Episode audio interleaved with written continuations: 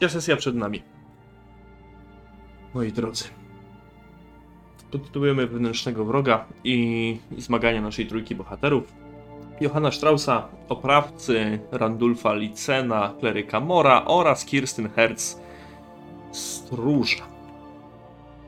Zajazd Siedem Szprych był ostatnim przystankiem dla Filipa Descartesa oraz Ernsta, młodego studenta medycyny.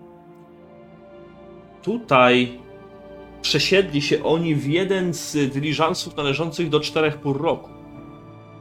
Gunnar, po spędzeniu połowy nocy na piciu, płaczu i rozpamiętywaniu swojego przyjaciela Hulca, w końcu usnął, staczając się pod ławę. Rankiem obudził się jednak i doprowadził do stanu używalności, mimo że smród niczym z gorzelni ciągnął się za nim na odległość paru metrów. Staliście na zewnątrz, obserwując ten obraz nędzy i rozpaczy, jakim w rzeczywistości był powóz należący do linii zębatka. Gunnar w swym smutku i przypływie szczodrości zaoferował wam podwózkę do samego Altdorfu, bo w końcu i tak musi wrócić, poinformować o śmierci towarzysza, sprawdzić wóz i takie tam. Trakt przed wami wciąż prowadził przez gęsty las. Po jakimś czasie, po kilku godzinach, odczuliście jednak, iż teren zaczyna się obniżać. A sam powóz nieco przyspieszył, podskakując na leżących gdzieniegdzie kamykach. Coraz więcej skrzyżowań, drogi i groble, którymi się poruszaliście, wyglądały bez porównania lepiej od tych pozostawionych za wami w głębokim Dragwaldzie. Nizina Altdorfska przed nami. Zaciągnął Gunnar, pykając dym ze swojej fajki, kiedy zatrzymaliście się w końcu na krótki postój. Tym razem jechaliście już w środku diliżansu. Mieliście sporo miejsca w środku i była to nieporównywalna wygoda z wcześniejszym środkiem podróży, jakim był dach. To spowodowało, że mogliście jeszcze trochę zmrużyć oczy. Powóz zatrzymał się na swego rodzaju wypłaszczeniu, a niżej w oddali zobaczyliście rozległe trzęsawiska, które od północy okalały stolicę imperium. Krótka przerwa. Czy to na rozmyślanie, czy to na zjedzenie czegoś. Na rozprostowanie kości i na pomyślenie, co będziecie w ogóle robić dalej. Jak już dotrzecie do miasta, dotrzecie do Altdorfu. Usiedliście na poboczu. Nie było czasu na rozpalanie jakichś ognisk, ale choć chwila przerwy tej podróży była wskazana. Gunnar zszedł z wozu i poszedł doglądać koni. Zostaliście w swoim towarzystwie sami, ale ciszę przerywał raz na jakiś czas odgłos ptaków w Dragwaldzie. Gdzieś jakiś szelest, łamanie gałęzi, ale nic podejrzanego. Raz za raz przejeżdżały kolejne powozy, ciągnęły na północ. Czasem przechodzili jacyś chłopi, ale bardziej wyglądali na myśliwych, może nadrywali. Czy chcecie, moi drodzy, coś pomiędzy sobą ustalić, zanim ruszycie dalej? No to wygląda, że zbliżamy się do celu naszej podróży. Mm. Kirsten, masz ten list? Weź sprawdź dla pewności. Sprawdzam w kieszenie. Rzeczywiście list, list tam, tam jest. Przykładam go do, do sakwy e, z tej kieszeni, żeby dla pewności, żeby był, żeby był bezpieczniejszy. Bawię się przez chwilę sznurkiem od mojej koszuli, po czym spoglądam na, na, na moich towarzyszy. Mhm. A no, pamiętacie może o tym zleceniu, co wam mówiłam w zajeździe powóz i konie? O tym, o tej wyprawie do do tamtych gór, no jak one się nazywały? No te szare, o właśnie. Wyprawa będzie na pewno bardziej czasochłonna, a mamy chyba też do załatwienia jedną sprawę na miejscu już w Waldorfie, bo jak rozumiem Randulfie, chcesz oddać po prostu, albo poinformować o, o naszym znalezisku. Tak, Zdecydowanie. Ci ludzie mm, mieli misję do wykonania, a naszą powinnością zostało to, by, by ją dokończyć. Jednak mm, to jest, to jest nasz priorytet i nieważne, czy tego chcecie, czy nie, mm, ja, jak i wy zostaliśmy w to mm, mimowolnie wmieszani. A później myślę, że gdy już oddamy, oddamy list, możemy oczywiście skupić się na, na czymś. Mm, na czymś, co pomoże nam zarobić i Tak, naturalnie przecież. nagroda. Tak, e, tak, tak, naturalnie przecież nie będziemy zajmować się, się sprawą tego listu cały czas. Przecież potem będzie trzeba coś ze sobą począć, prawda? Nie mówiąc, że te osoby wydają się być dosyć zamożne, więc może coś za fatygę też nam dadzą. tak, może. Może. Wraca do was Gunnar, pykając jeszcze raz swajki. Gotowi jesteście do dalszej drogi? Kiwam głową. E, Z końmi wszystko w porządku, więc... e, No... Możemy ruszyć, jeśli, jeśli chcecie. A z tobą jak twoja rana. W porządku. No i tak nic w porównaniu z tym, co się stało z biednym ulcem. Mężczyzna ociera nos rękawem. No, ale... Nie o tym będziemy gadać teraz, tu na trakcie. Ruszać nam trzeba dalej.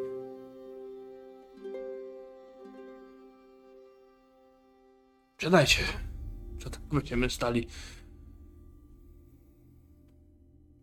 Mężczyzna wspina się na kozioł, zerkając jeszcze na to, czy wsiadacie, czy nie. Tak, ja jeszcze szybko, mm, szybko tak rozprostowuję się. Co by tam wszystkie gnaty strzeliły. I też e, pakuję się za nim. Ja bym samo. chciał wsiąść ostatnio. Ostatnio wsiadasz. Tak. W jakimś konkretnym celu, czy Nie, tak, po prostu? Po prostu jestem. E, poczuwam się tutaj, żeby strzec moich towarzyszy, więc chcę wsiąść ostatnio. W ramach takiej, takiego bezpieczeństwa, w Rozumiem. moim mniemaniu. W porządku. Gunnar pogonił konie, wóz zastukotał i potoczył się dalej pomiędzy trzęsawiska. Teren niedługo potem począł się podnosić, a wy, gdzie tylko okiem sięgnąć, mogliście ujrzeć mozaikę pól uprawnych i niewielkich wiosek, często składających się z dwóch, może trzech chat. Ociepliło się. Słońce w tej części imperium zdawało się grzać nieco bardziej. Przedwiośnie w Reiklandzie wypychało zimę w odmęty przeszłości. To, co jednak zdecydowanie rzucało się w oczy, to to, że gdzieś tam na horyzoncie migotały wam białe mury Altdorfu, rozciągające się jak okiem sięgnąć od wschodu na zachód. Coś, co wydaje się bliskie, wcale nie jest takie w rzeczywistości. Mijały godziny i dopiero z czasem zaczęliście przybliżać się do miasta. Miasta, do którego dotarliście dopiero wieczorem. Kiedy to dyliżans linii zębatka przetoczył się pod rzeźbioną wilczą bramą, czyli głównym wejściem od północnej strony miasta. Od razu uderzył w was, uderzyło w was poczucie dyskomfortu i braku jakiegokolwiek uporządkowania w tymże mieście.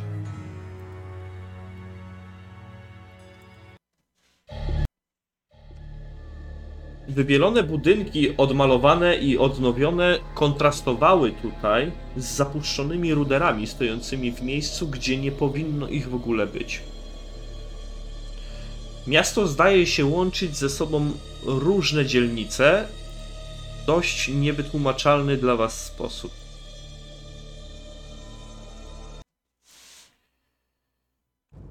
Słyszycie nawoływania, czy to agitatorów, czy to jakichś heroldów.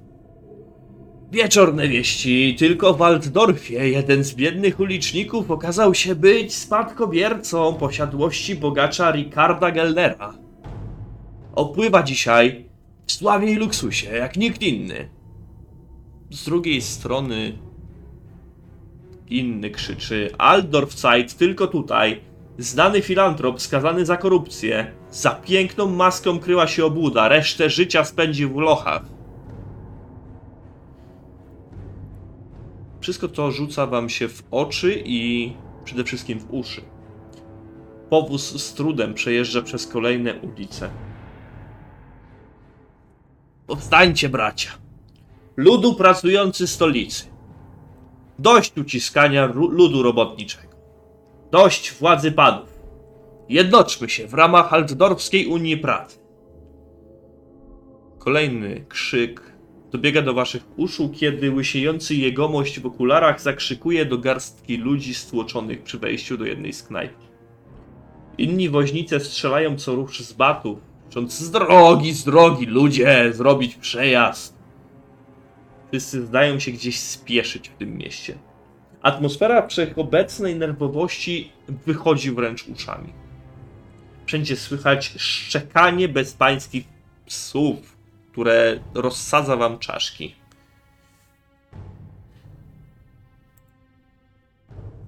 Jedno z was poproszę o rzut K10. Tam mamy wybrać kto? Tak, wybierzcie sobie spośród was. To ja. Jedynka. Dobra.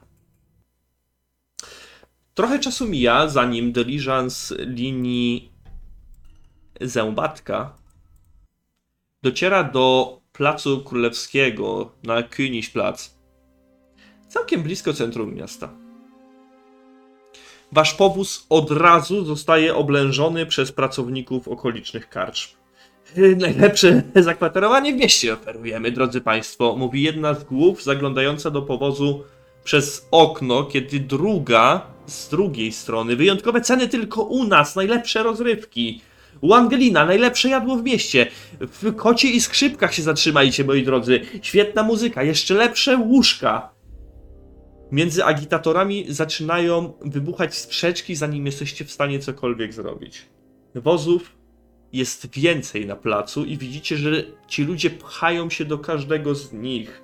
Zaczynają się kłócić między sobą i wygrażać sobie pięściami. Do tego stopnia, że nie jesteście w stanie otworzyć drzwi od swojego powozu. Na pomoc przychodzi wam dopiero Gunnar, który zeskakuje z kozła i swoim batem strzela w powietrze. Kilka osób podstępuje od waszego powozu, czekając na waszą reakcję, na to aż wyjdziecie. Chodzę pierwsza z racji, że wsiadałam ostatnia. E, Mhm. Robię miejsce, robię miejsce Johanowi i Randulfowi. I Ja, tak. się, ja wysiadam drugi i aż jestem ciekawy, jaka będzie reakcja tych ludzi, gdy Randolph, który dosyć charakterystycznie wygląda, wysiądzie z tego wozu. E, Tak, no ja zdecydowanie e, tutaj chwilę jeszcze spędzam w wozie. E, Jakby nie przywykłem do takiego zgie- zgiełku, takiej mm, masy ludzkiej, która gdzieś tutaj oblega mm, moją osobę. No ale w końcu tutaj, jeśli jak moi towarzysze opuszczają powóz, to ja również. E, bardziej po prostu nakładam, nasuwam kaptur na, na swoją głowę i... Za zgiełk.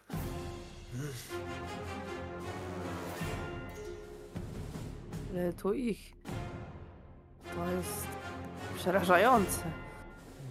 Powiem wam przyjaciele, że myślałem, że Uberstrike to liczne miasto, ale to ta ilość ludzi tam blednie przy tej ilości tutaj. No to wychodzi, że tutaj właśnie kończy się nasza podróż z Gunarem. Czy dobrze mu myślę? O, tak. Ja się udam do swojej siedziby. Także żegnać się pora. Żegnać się pora, tak. Ja w takim razie podchodzę do Gunara, łapię go w takim żelaznym uścisku, ściskam go mocno i pochylam się i tylko, tylko mówię, tak żeby tylko on słyszał. Trzymaj się, mój drogi, i niech ci się wiedzie. Tobie też. E, Wam, wam wszystkim. Niech się wiedzie. Dobrze z was ludzie, chociaż znamy się tylko... Ile to? Dwa dni będzie. Cóż, wiele się wydarzyło przez te dwa dni, ale... Mam nadzieję, że teraz już będzie spokojniej. Ja też się żegnam z Gunarem i jeżeli on podczas tego pożegnania na przykład wsiada na kozioł z powrotem, Mhm. to ja bym chciał z takim dźwięcznym, brakuje mi tego słowa, takim dźwiękiem rzucić mu właśnie jedną srebrną monetę, która zabłyszczy w powietrzu i jak Gunnar ją, ją złapie, to mówię za zdrowie Holca. Łapie to bez problemu. Patrzy na ciebie przez chwilę i nie odzywa się już, tylko kiwa głową z, z szacunkiem. Po czym. Tak, Randulfie? Ja tylko na niego spoglądam, ja nawet nie podchodzę, nie podaję mu dłoni, tylko dziękuję. I dalej moja głowa po prostu schodzi w dół i spojrzenie gdzieś po prostu niknie tutaj pod e, rantem, mm, rantem tego, tego kaptura, który mam nałożony. Opuszczasz swój wzrok i widzisz tylko koła powozu, który stukocząc po tym bruku, którym usłany jaskini ślad, odjeżdża w znanym Gunarowi kierunku. A wy jesteście niemalże w centrum stolicy Starego Świata. Mimo wieczorowej pory, Zgiełk i hałas wciąż rozsadzają wasze uszy. Ludzie, którzy na początku cofnęli się o kilka kroków, teraz wyczekują waszej reakcji, jakby oczekując, że podejdziecie i pójdziecie z nimi gdzieś dalej. Że ich usługi, które zaoferowali, zostaną w jakikolwiek sposób wykorzystane. W końcu jakoś trzeba zarabiać pieniądze. Pieniądz to pieniądz, nieważne czy od kapłana Mora, czy to od rycerza w, złotej zbroi. To może to, towarzysze, może ja tak mówię podgiemkiem, żeby te hieny nie słyszały. Znajdziemy jakieś miejsce na nocleg i z rana przejdziemy się pod adres wskazany na tym liście. Bo Tak, to no chyba nie ma co już. Zdecydowanie powinniśmy jeszcze raz przeczytać list i kupić się, gdzie się udać, bo nazwisk tam bez liku było, a tam wtedy w lesie, w sytuacji takiej, jaka miała miejsce, no nie było na to czasu, więc racja, ruszajmy, znajdźmy jakąś najbardziej korzystną na naszą kieszeń ofertę, którą ci z racji tutaj ludzie oferują. U nich to każda oferta jest najzgodniejsza. Tak jak każdy nagle ma magicznie najlepsze jedzenie w Aldorfie. No, Kirstyn, ty masz jakiś pomysł, gdzie moglibyśmy się udać? Ja to zasłyszałam nazwę jednej karczmy, jak tak wydzierał się jeden przez drugiego. Kot i skrzypek, ale czy to najlepsza oferta? Nie wiem, może by tak krzyknąć do tego tałataństwa i pytać się, kto ma najtańsze ceny. No, Ten, Boję kto się, że wy- najgłośniej krzyknie, to tego wybrać. Boję się, że możesz e, e, tutaj zamieszki wywołać, ale jeżeli chcemy, możemy tak, możemy tak zrobić. Dobrze, to w takim razie e, odwracam się w stronę, w stronę tego tłumu. Mhm. Z takim podniesionym głosem krzy- krzyczę. Ejże! Kto ma najtańszy opierunek i wikt w tym, w tym mieście? Randolph szykuje łopatę.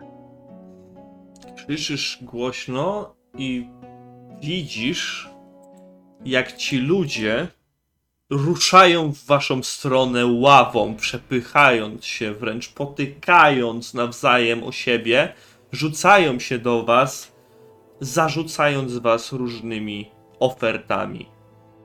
To jednak niknie gdzieś, ponieważ mimo późnej pory głośne dźwięki trąb, trąbek,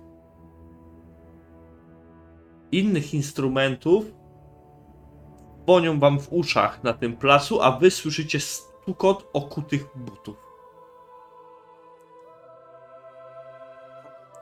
Na plac od strony wschodniej, czyli od waszej prawej strony, maszerowują imperialne wojska. W pełnym rynsztunku maszerują przez środek placu, a specjalnie do tego wynajęci ludzie odpychają innych na bok, tak aby stworzyć przejście temu kordonowi.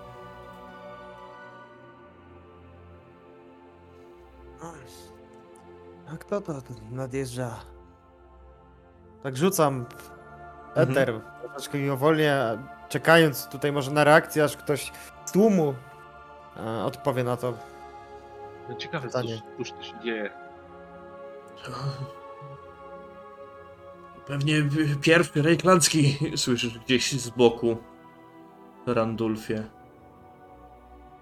Widzisz, Rejniański.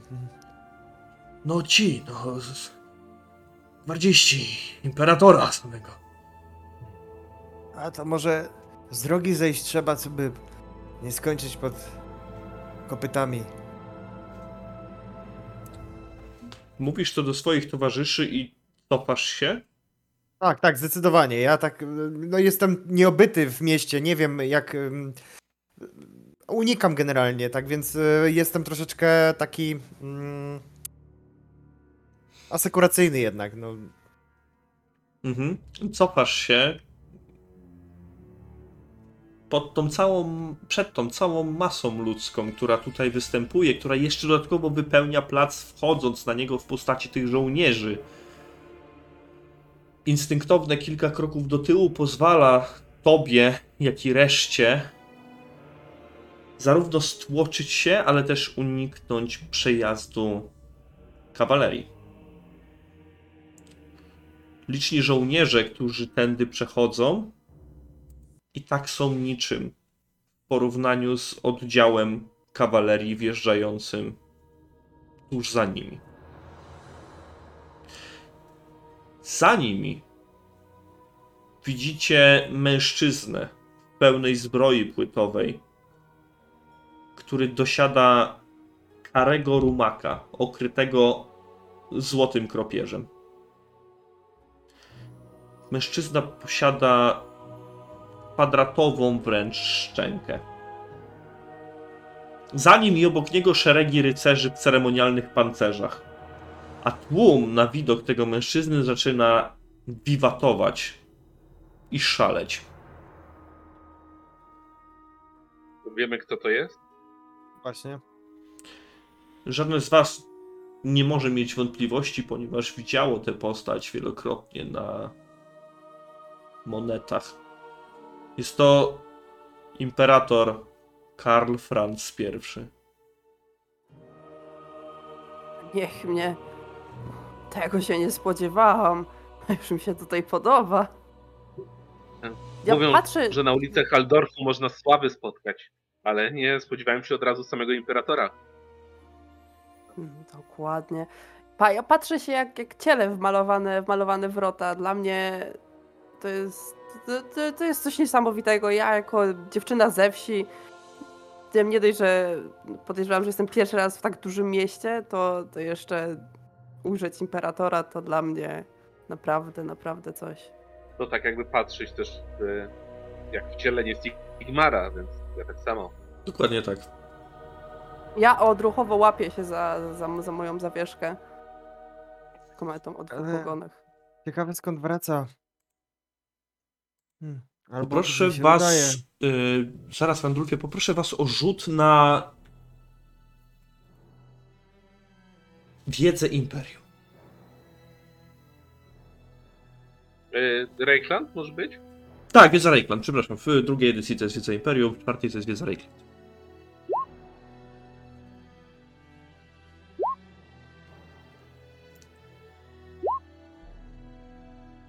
Okej. Zastanawiacie się, Randul zastanawia się, gdzie, czy też skąd przybywa imperator. Johan mówi o wcieleniu Sigmara, a Kirstyn patrzysz się w Imperatora. I tylko jedna rzecz ci tutaj nie gra. Po tym, co powiedział Johan, zaczynasz się zastanawiać, gdzie jest Galmaraz. Młot. Podarowany samemu Sigmarowi przez krasnoludów. Symbol władzy imperialnej i święta broń imperium. Nie widzisz jej nigdzie przytroczonej, nie widzisz, żeby władca miał przy sobie. Może to tak po prostu jest. Ale zobaczyć imperatora bez tejże broni wydaje się być czymś dziwnym. Chwila, chwila, ale, ale on nie ma, on nie ma Galmaraz przecież. Wielka szkoda. Miałam nadzieję kiedyś go nie ma? Hmm. I to młot bojowy samego Sigmara. A, tak, Piękna tak. rzecz. Chciałabym, chciałabym ją kiedyś ujrzeć. Och, a co dopiero Hmm. dotknąć. Hmm. Przecież to sam Sigmar to dzierżył, to to jak, jak cud. Tak. Co ciekawe. Ja nie, nie wiem co powiedzieć, aż mi hu zabrakło. No nigdy czułem się bliżej Sigmara niż, niż, niż jestem teraz.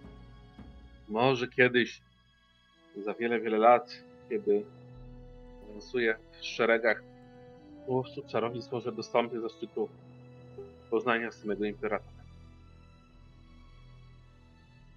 A ja? Myślicie, że imperatorzy potrzebują ochroniarek? A, z pewnością. Kiedyś. Tak. Uda się wam spełnić to, co zamierzacie. Ochroniarek. Nie wiem, ale każdy chyba jako dziecko marzył, żeby zostać takim e, rycerzem. Zobaczcie na te zbroje. Jakie lśniące. Ale to da, zamierzchłe czasy teraz to. Mm. Teraz to już zostanie takim rycerzem, to żadnemu z nas nie grozi. Randulfie? A, mi na pewno nie. Kiedy Johan powiedział o awansie wśród łowców czarownic, zauważyliście, że od niego zrobił się pewien promień pustego miejsca. Uff, od razu więcej powietrza się zrobiło i tak się rozglądam z zdziwieniem, y, bo to jednak na pewno odczułem tą zmianę, że ten tłum może przestał napierać, łatwiej było odetchnąć. No, no dobrze, ale tutaj e, ten imperator przyjeżdża, a my dalej musimy poszukać noclegu. Imperator zdążył już przejechać, tak jak i cała jego świta. I na placu wszyscy zaczynają wracać do swoich zajęć, tak jakby nic się nie, nie wydarzyło. Znowu panuje spokój w cudzysłowie, ale zgiełk dnia powszechnego. Wtem z tłumu rozlega się głośne łapać złodzieja! Rozglądam się, patrzę, kto ucieka w takim razie. Wszyscy są zbyt zajęci swoimi sprawami, aby przejmować się cudzym problemem, ale nie Kirstyn, która mimo napierającej na was ciżby zauważa mężczyznę uciekającego z jedną z walizek. Chciałabym ruszyć za nim biegiem w takim razie. Dobrze, poproszę od ciebie test atletyki.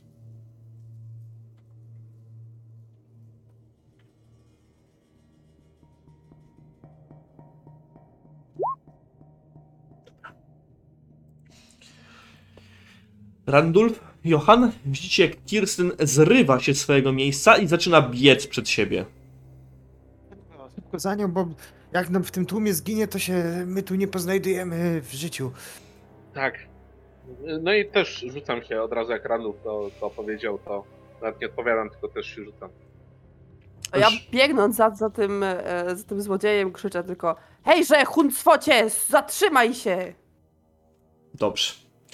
Biegniesz przed siebie, ludzie, którzy stają ci na drodze, zostają albo przez ciebie wyminięci, nie, nie odpychasz ich, udaje ci się, bo udał ci się test atletyki i to ładnie. E, biegniesz dalej przez siebie, widzisz, że ten złodziejaszek, kiedy krzyknęłaś, obraca się w twoją stronę i widzisz twarz młodego, nastoletniego chłopaka. Biegniesz dalej za nim i poproszę ciebie o drugi test atletyki na plus 10 tym razem. Przepraszam, nie na plus 10, na plus 20.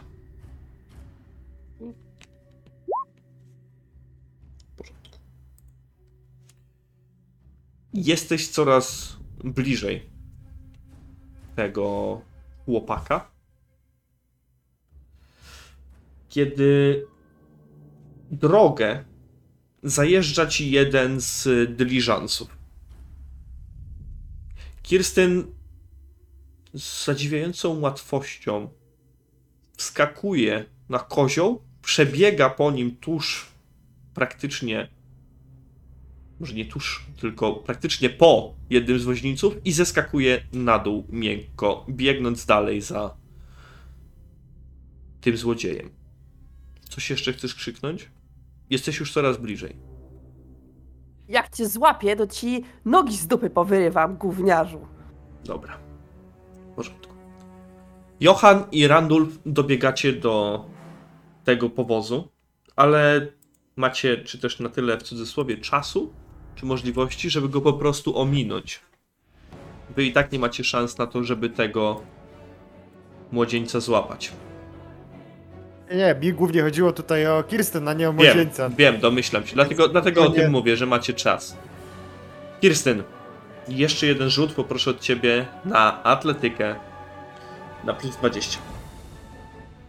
Teraz pewnie nie wejdzie.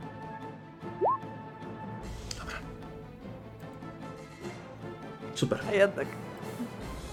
Uuu. Biegniesz przed siebie i zauważasz, że z jednego z domów, z jednej z kamienic, ktoś właśnie wylewa pomyje na kostkę brukową. Młodzieniec z tym bagażem, z tą walizką, traci równowagę, ślizgając się po tym. Walizka wylatuje mu z rąk, a on upada na ziemię. Ty, biegnąc, także masz problemy z zachowaniem równowagi, ale ślizgasz się po tej kostce brukowej, nie wywracając się. Zatrzymujesz się przy tym bagażu. Chłopak jest raptem parę kroków od ciebie dalej. Podnosi się z ziemi. Widzisz przerażenie na jego oczach.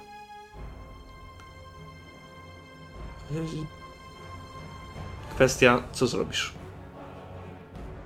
Chciałabym pod, e, podnieść ten bagaż, Mhm. podejść do niego.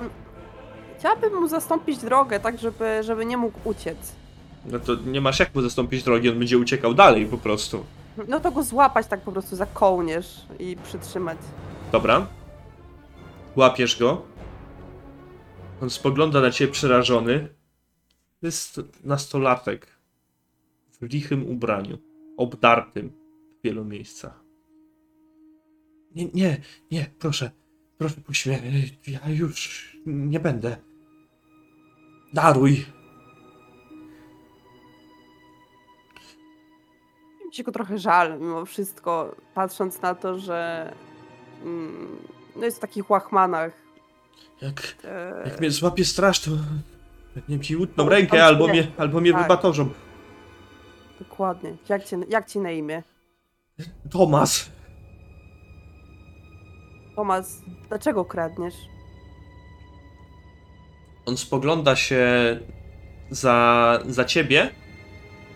Widzisz, może ty nie widzisz, ale on widzi, że Johan i Randulf jest, są już coraz bliżej. E, Kiedy ty się go pytasz, on będzie próbował ci się wyszarpać najpierw. Przeciwstawny Ejże. test siły poproszę. Siła, dobra.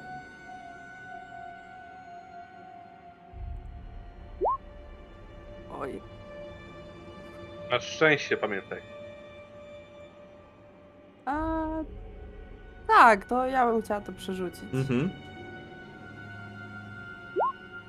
Okej. Dobra, przytrzymujesz go. No jeść muszę za coś, tak? Dlaczego Dobra, kradnę? to- Co to jest za pytanie? Dobra, to ja bym w takim razie chciała. Chciałabym. e, Ja, go- ja go na pewno puszczę, tylko zanim go Okej, puszczę, Johan i Randulf dobiegacie do niej. Ach, uff. Złapałeś go kisty, Szybko Bardzo jesteś. dobrze. biegasz. Uff. No, to co, młodzieńcze? Do straży idziemy. Nie, stop. Do żadnej straży. E, oddaję mu mojego ostatniego srebrnika. Ciskam mu go tak w. Albo może nie. Może 5 szylingów mu daję po prostu.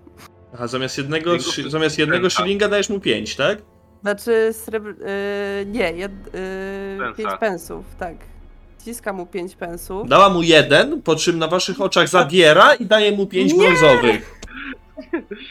Dobra, to On jest mu... zdezorientowany, co, co tu się dzieje. Jeden Nie, mówi, dobra. że idą nas do straży, tam mu wymienia pieniądze co chwilę. Randulfie, co robisz widząc tą karykaturę sceny? Co tu się dzieje? Puść tego chłopaka, no przecież to widać, że...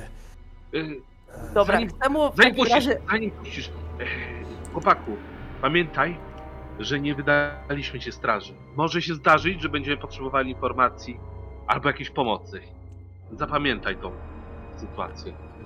Uch, Kisty, no. Dobrze, dziękuję.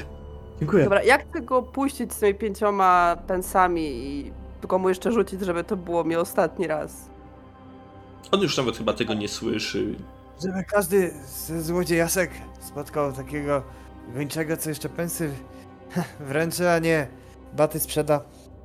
No ale dobrze zrobiłaś towar, że się odzyskała. No, dobrze, że strasznie widziała, bo by rzeczywiście mm, źle z tym chłopaczkiem było.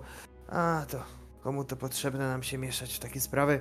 Mm, Co on tam zwinął?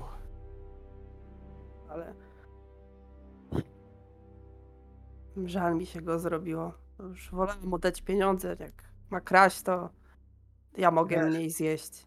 A on kraść i tak będzie, bo co mu innego zostało? No ale Może tak, może nie, Randulfie, ale jeżeli kiedyś będziemy potrzebowali informacji, jakiejś przysługi, to uwierz mi, że tacy żebracy wiedzą i słyszą więcej od, od innych. Może się da nam kiedyś ta inwestycja zwrócić Kirsten. Dobrze, ja w takim razie trzymam ten pakunek, tą walizkę, którą on zwinął. Nie zaglądam, co jest w środku. Co? To nawet, to nawet nie jest pakunek, to jest taki. No, mała walizka podróżna. To taki, taki mały kuferek w sumie. Dobra, to nie, nie zaglądam, to, co jest w środku. Zwróćmy No. właścicielowi. No, koniecznie, koniecznie, a jeśli go znajdziemy w tym em, zgiełku, no tak, ale może rzeczywiście coś tam w środku będzie, co zasugeruje nam do kogo to należeć może. nie chcę Kuwas, tego Kuwas bierze już jeden z mężczyzn odzianych w Liberię, taką, jaką widzieliście ostatnio na trakcie u tych woźniców, którzy zostali zamordowani przez grupę mutantów. Wychodzi na to, że to chyba y, linii prze, kompanii przewozowej cztery pory roku. Ja ruszam ku niemu. Myślę, że tro... coś transportowane przez nich było, bo to chyba... To jak ten pakunek, e, czy ta torba mm, walizka wygląda? Taka jest bardziej... em, Chodzi o wartość, tak? Że, e, nie konkretnie, nie interesuje mnie ile ona jest warta, Mhm. tylko po prostu jak wygląda, czy jest e, po prostu, Do kogo wie, należała? Czy to jest jakiegoś a, tam do bogaty, bogacza, mhm, tak. dokładnie. E, To tak, taki kuferek w sumie, w którym na pewno nie pogardziłby mniej zamożny szlachcic, a raczej taka klasa średnia. Aha, czyli jak najbardziej to się może wszystko zgadzać. E, Witajcie, wychodzi wam naprzeciw woźnica, może strażnik. E, Widzę, że odzyskaliście to, co należało do jednych, jednego z naszych gości. Tak, tak. E, o, udało mi się odzyskać kradziony pakunek, ale niestety złodziej uciekł. No cóż, trudno. Dokąd, dokąd twoi goście zmierzają? No, tutaj, do Aldorfu zaczęliśmy rozpakowywać bagaże, a tu jakiś chłystek podleciał i capnął jeden z należących do naszych gości. Yy, chodźmy, chodźmy na Kyniślac, także oddamy Chodźmy. wartość. Zwracam się do Kirsten i Randów. Słuchajcie, może w ramach ci gości, w ramach podzięki chociaż jakąś noc spędzimy z nimi w gospodzie, może opłacą nam pokoje i, i jedzenie. O, uczciwy, uczciwa wymiana, myślę, za to, co Kirsten uczyniła. O, tak, ale przynajmniej wyprostowałam. Jest plus tego, tego pościgu, wyprostowałam wszystkie kości. A mówiłeś, że miasta nie lubisz, a tu jednak widziałem, że a, ten wóz to prawie nas rozjechał, a ty tak śmigłaś. No! Ułamku sekundy to wszystko nam przed oczyma błysło. No, bardzo spektakularnie to wyglądało, ale chodźmy. Tak, tak. No, swoje na trakcie przeszłam. Wracacie do, na Plac Królewski, gdzie wyładowywane są kolejne bagaże z kolejnych dyliżansów. Mężczyzna, mężczyzna kieruje się do konkretnego, do jednego z e, powozów należących do czterech pór roku, przed którym widzicie już grupkę dość bogato odzianych mieszczan. Jeden z nich wychodzi naprzeciw temu mężczyźnie, temu woźnicy i rozkłada ręce. Zadowolony. Jest i moja zguba. Cieszę się. Kto powstrzymał złodzieja i odzyskał moją paczuszkę? Mężczyzna, który wygląda na woźnicę, odwraca się tylko i wskazuje na was, a konkretniej na Kirstyn.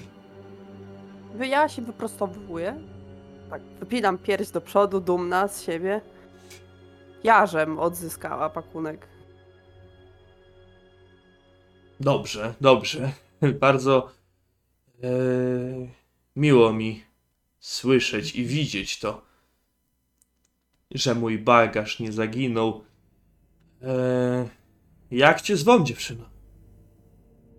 Kirsten Herz, mości panie. Kirstenherz. E, dobrze, myślę, że za powstrzymanie złodzieja rozumiem, że uciekł. No niestety, nie, nie, dało, nie udało mi się go zatrzymać. Takim jak oni powinno się ucinać łapy za to, co robią, to może w końcu by przestali. Cóż, mimo wszystko, mimo wszystko. y, Warto. byś jakąś nagrodę została, prawda? Za to, co. co zrobiłaś. E, cóż, myślę, że. On gmera chwilę w sakiewce. Myślę, że tyle wystarczy. Wyciąga rękę w twoją stronę. I. Tak dla niepoznaki szturcham jakoś tam nieudolnie Kirsten właśnie, że może jednak spędzimy noc. No, Weźmiemy monety. Ja oczywiście machinalnie no, wyciągam tą rękę po te monety, ale jeszcze chciałabym dodać właśnie, zanim, zanim je przejmę. A mości panie, może, może wskazałbyś nam dobre miejsce na zatrzymanie się na noc, albo w ramach, w ramach podzięki. e,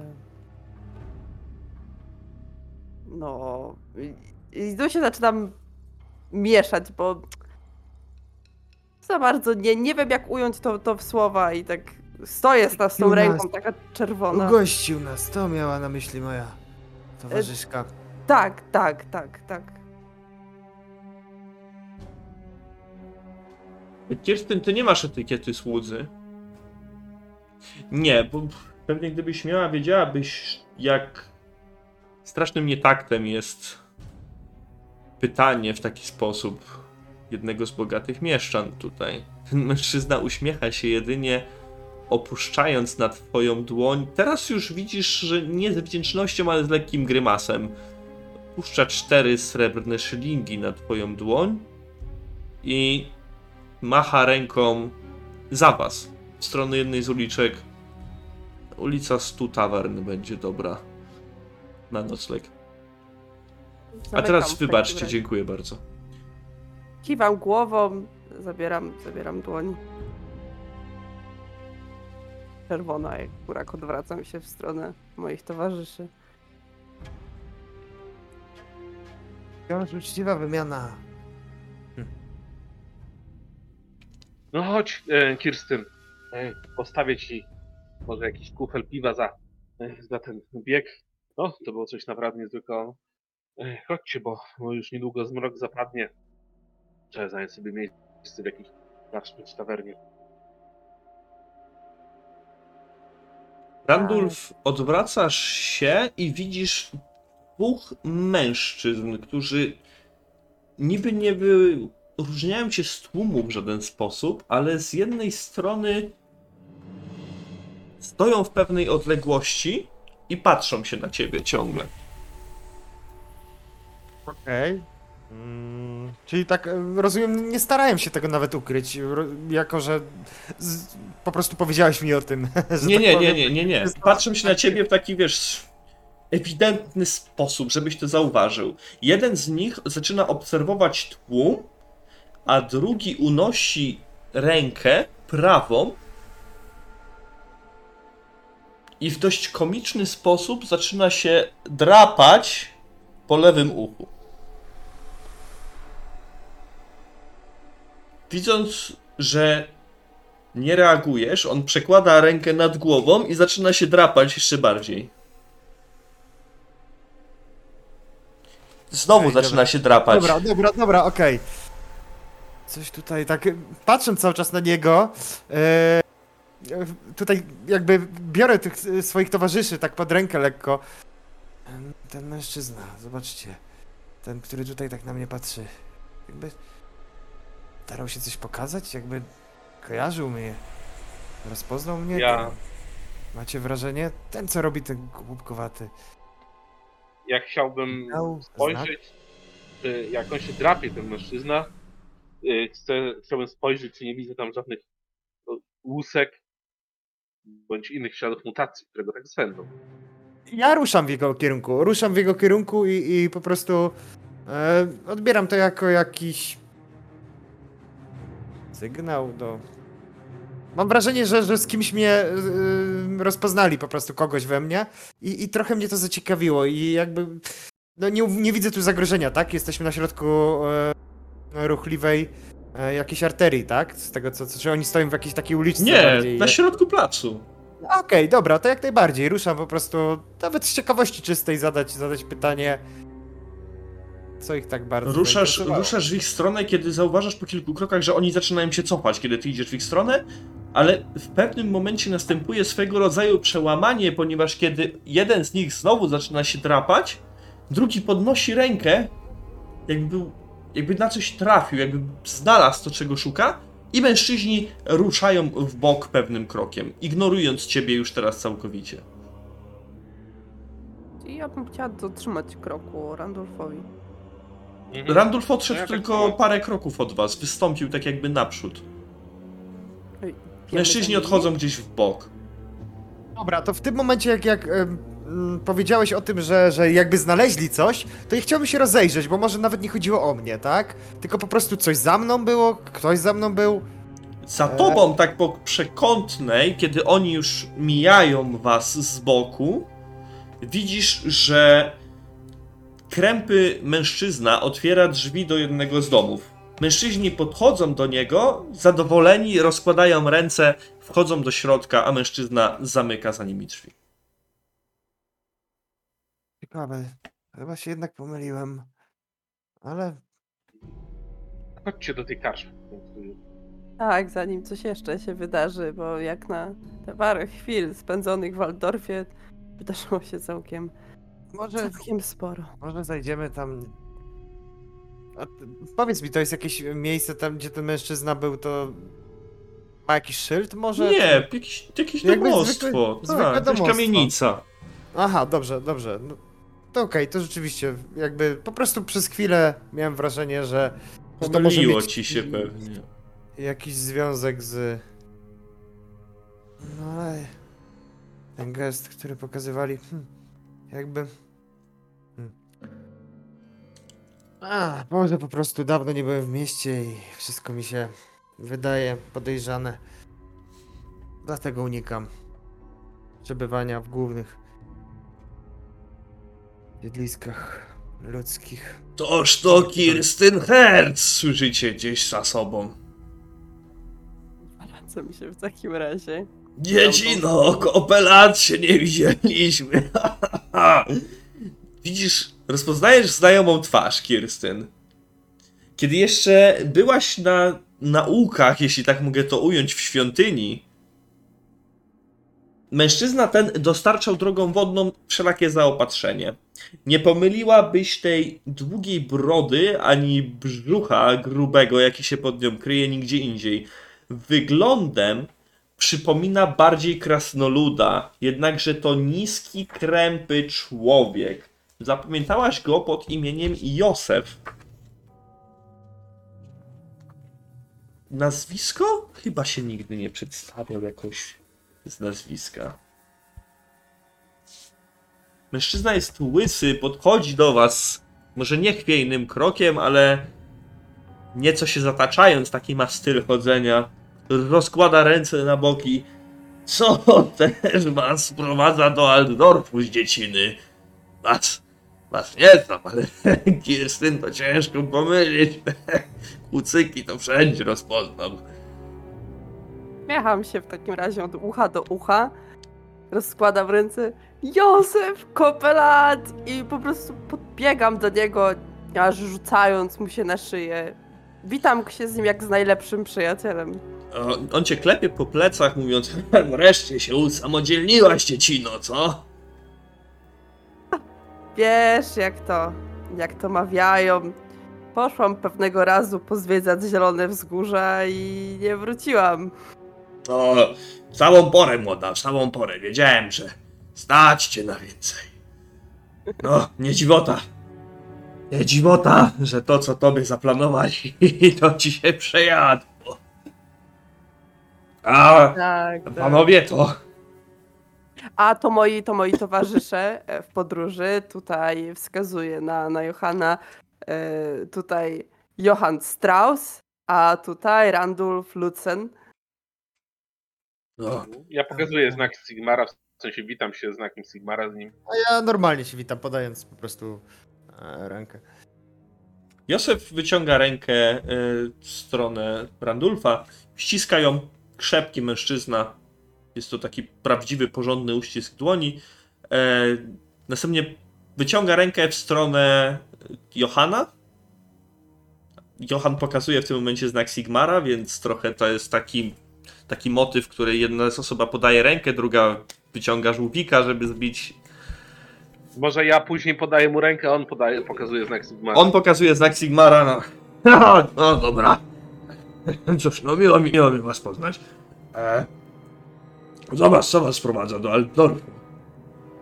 Tutaj szukamy e, szukamy Pewne- zatrudnienia i, Pewne sprawy, tak. I, i mamy I, I noclegu szukamy może. właśnie. Coś możesz wskazać jakieś miejsce, które jest w miarę No to- zaufane i godne. A, no to trzeba było tak od razu, no to chodźcie za mną, oprowadzę was trochę. No, chodźcie, co tak stoicie? Tak, ja idę, ja idę przy nim. e, Ja zostaję trochę z Zagaduję. tyłu. Ja zostaję trochę z tyłu. Mężczyzna Ja zaraz za nimi się co, e, idę. Mężczyzna rusza jako pierwszy, widząc, że Randolph i Johan zostają nieco z tyłu. Specjalnie idzie nieco wolniej, aby zrównać się niemalże e, z wami, ponieważ kiedy opowiada, e, ogląda się co chwilę w waszą stronę i widać, że, że jest to dla niego niewi- niewygodne. No, e, tu, tu możecie kupić wszystko, czego potrzebujecie. E, ulica Stu Tavern nie nosi swojej nazwy od tak, od parady, także. E, tu obok mamy liczne kramy, wszystko w najlepszych cenach, no każdy wam powie. E, najlepsze wyszynki jeszcze przed nami swoją drogą. E, cóż, jakbyście chcieli coś, e, coś zakupić, to, to nie będzie żadnego problemu. E, jeśli nie macie innych planów, to rad bym był, gdybyście dotrzymali mi towarzystwa w karczmie e, u przewoźnika. To chodzi o nazwę, sami rozumiecie. Zawsze, gdy jestem w Waldorfie, no, no muszę ją odwiedzić przynajmniej, przynajmniej raz. Najlepsze piwo na północ od Drake'u, mówię wam. Chodźcie. Mężczyzna Tak. opowiada, on mówi bardzo dużo, e, wskazując wam to tu, to tam, jakieś miejsce, w którym moglibyście coś zakupić, jeśli tylko potrzebujecie. Tak, Kirstyn? E, Ja w takim razie no, słucham, zagaduję go cały czas. Nie, nie zatrzymuję się jakoś. Nic nie mówię na przykład, Jakoś- tylko, tylko jakoś- idę, słucham i rozglądam się po prostu po mieście, starając się w miarę przyzwyczaić. E, ulica Stu Tavern, którą idziecie, prowadzi od Placu Królewskiego w dół zbocza, aż do samej rzeki Rake, co wygląda dość malowniczo. Drogowskazy i liczne tabliczki, które nabijano na siebie, świadczą o tym, że miejsce to wielokrotnie już zmieniało swoją nazwę. Na skrzyżowaniu Universitatstrasse widać wyblakły napis Ulica Wielu Tavern. Zaś obok podejrzanie wyglądającej knajpy o pięknej nazwie Piersi Myrmidii, przekrzywiona tabliczka wskazuje na ulicę Tysiąca Tavern. Jest to zatłoczona ulica dość ruchliwa, mimo późnej pory, wzdłuż której ciągną się wyszynki, karczmy i inne lokale. Józef prowadzi was w dół, wskazując rozmaite miejsca. Randulf, przyglądasz się, te szyldy przelatują ci przed oczami, nie mówiąc nic specjalnego, są to różne wymyślne nazwy. Gdzie niegdzie są tam również kramy. Można się tam zatrzymać na szybko, coś zjeść. Można też coś zakupić od lokalnych rzemieślników. Jest to bardzo, bardzo długa ulica. No, u przewoźnika jest na, na samym dole, tuż przy przystani, także jeszcze, jeszcze kawałek mamy. Mamy przed sobą. Ciągnie Józef, mm, prowadząc was coraz niżej. Powiedz mi, Józefie, No, tak? widzieliśmy e, e, przemarsz tutaj e, naszego miłościwie panującego imperatora. E, Powiedz takie rzeczy często tu u was w Altorfie, że tutaj do plebsuju e, imperator wychodzi? A, no tak jakbym e, w tym tygodniu to już czwarty raz będzie. Czwarty raz. Niesamowite. A miał ze sobą, miał ze sobą swój młot bojowy? Ja to nie wiem, ja to się nie przyglądam takim rzeczom, no co ci mogę dziecino powiedzieć. Wszyscy widzą imperatora, no to oczywiście szaleją, jakby samego Sigmara zobaczyli. Także, no, To mówi się, że to, to przecież wcielenie Sigmara jest. no, no jest, no oczywiście, że jest, tak, no ale to nikt tam nie patrzy, czy młot jest, to tak jakbyś, wiesz, pytała, czy, e, czy na tym, no, czy na gryfie swoim jechał, no na, na koniu normalnie, no młota to chyba nie musi mieć przy sobą zawsze, nie? To A bo jeszcze ktoś podbiegnie, ukradnie. I co wtedy? Tak, no byłoby nieciekawie. A to prawda, że, że ten gryf to mu zdziczał? Bo takie plotki na trakcie chodzą. No tak ludzie gadają, ale co ja, co ja mogę wiedzieć? Hmm. Nie, nie mam pojęcia. Gryf to i dziki. No, widziałaś kiedyś, żeby ktoś u siebie w kamienicy gryfa trzymał? Rozumiem, że za dalej jest zamknięte. No ja się nie tam w stronę zony wybieram, ale to byście musieli zapytać kogo innego. No ale to... Pierwsze słyszę, żeby zamknięte było. Na trakcie takie plotki chodziły. Ja to na trakcie to różnie ludzie gadają. My na rzekach to też sobie różne rzeczy opowiadamy, ale to siądziemy przy kufelku czegoś mocniejszego, to pogadamy sobie. Oczywiście, że tak. No, no, Ruszajmy już do karczmy. No idziemy cały czas, idziemy, idziemy. Ale pan Randulf niecierpliwy. A znasz jakieś miejsca, które warto zobaczyć w Waldorfie? Bo to zależy czego potrzebujesz, dziecino. No, Józefie, no coś na moją kieszeń i na moje predyspozycje. chyba tak, w której właśnie idziemy. No to idziemy właśnie. Przewoźnika to najlepsza knajpa po tej stronie rejku, jak już mówiłem. Tak, tak. A wiesz, gdzie tu zarobić coś można? Dla takich, wiesz, komuś mordę obić albo złapać kogoś.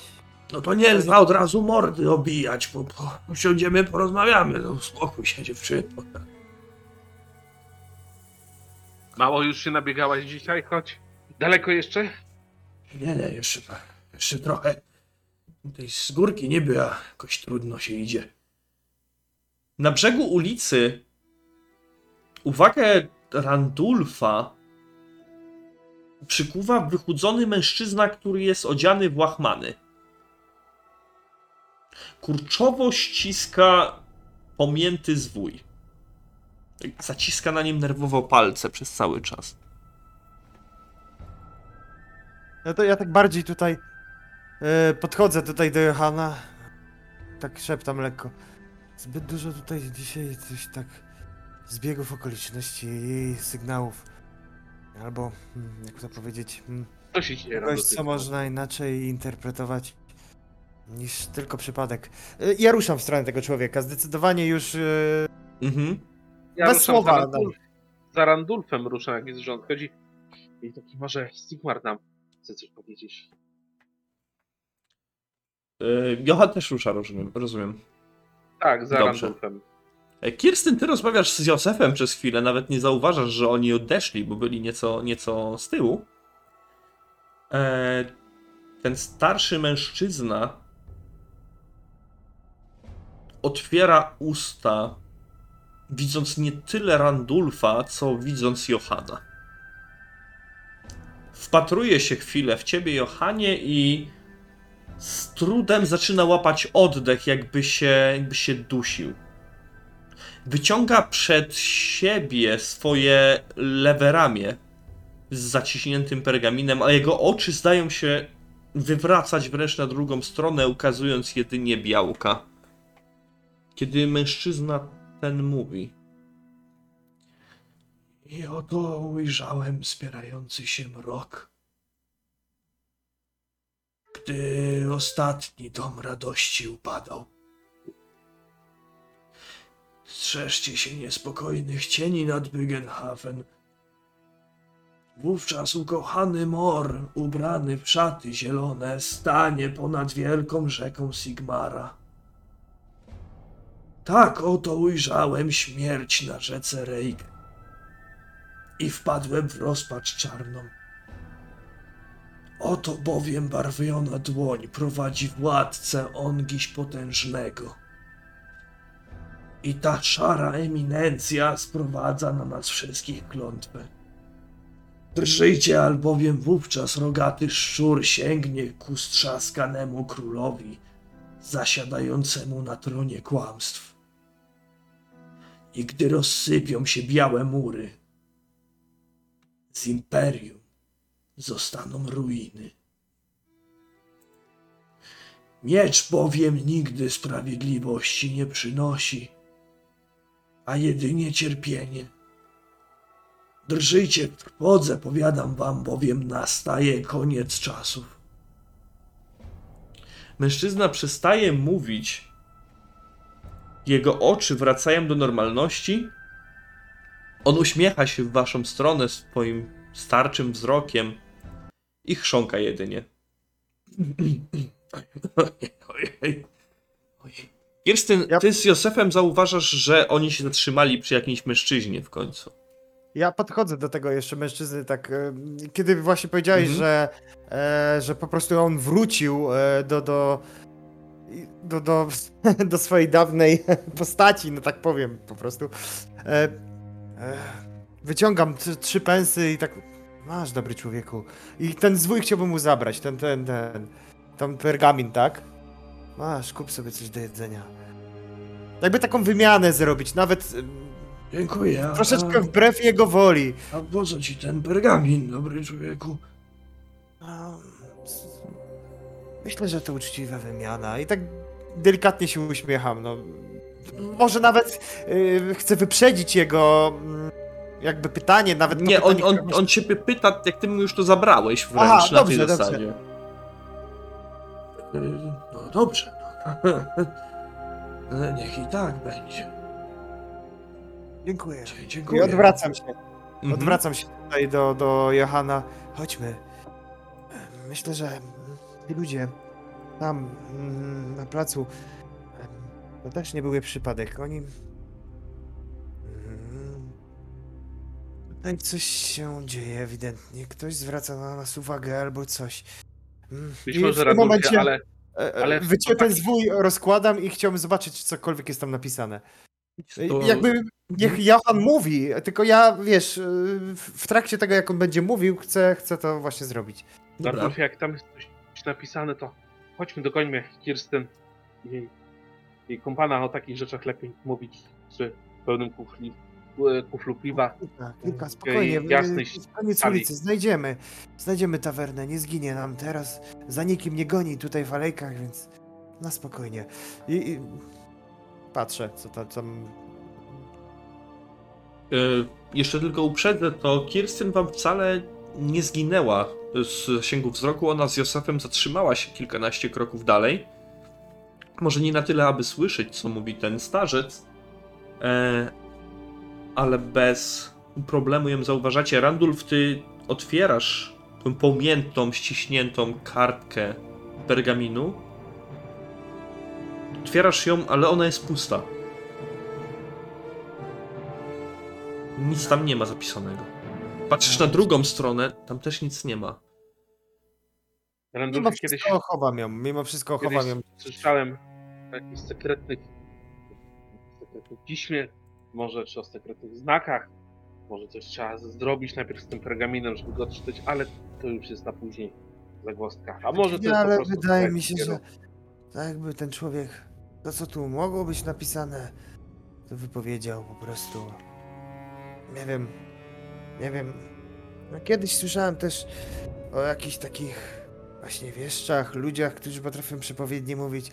O, no musisz powiedzieć i ty, że te słowa, które powiedział, były takie złowieszcze i na pewno nie pasowały do jego ust. Miały jak przepowiednie. No, aż się zdziwiłem, że śmiecza swego nie wyciągnął. Ale może to i lepiej. Chodźmy, chodźmy. E, Kirsten, oni po jakimś czasie zrównują się z wami krokiem. Co to za przystanki przy jakichś starcach? Porozmawiamy później. Tak jak Johan powiedział, trzeba zwierzyć gardło, usiąść i strudzone nogi rozprostować. O, do, do, dobrze, dobrze mówi. Dobrze mówi. Ruszacie dalej i zatrzymujecie się dopiero nad jednym z większych kanałów rzeki, które przecinają miasto. Do nabrzeża zacumowane są rozmaite łodzie. Małe żaglowce, większe barki transportowe i niewielkie łódki. Sama karczma u przewoźnika jest tylko jednym z wielu lokali. Ale wydaje się być przyjaznym, niechlujnym, przyjemnym miejscem.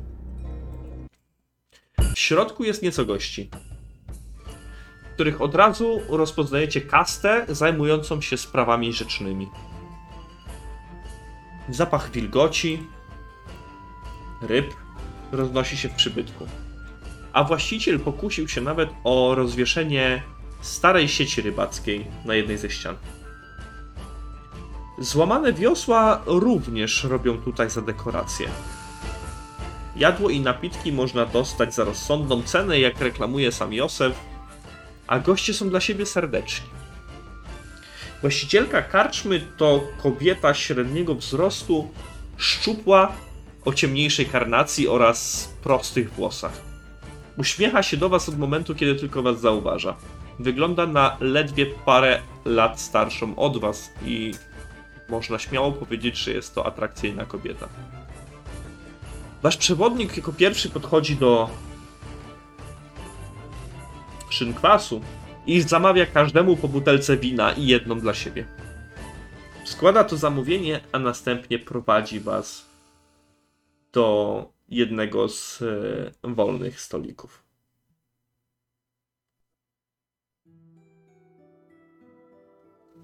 Zasiada z łoskotem. O.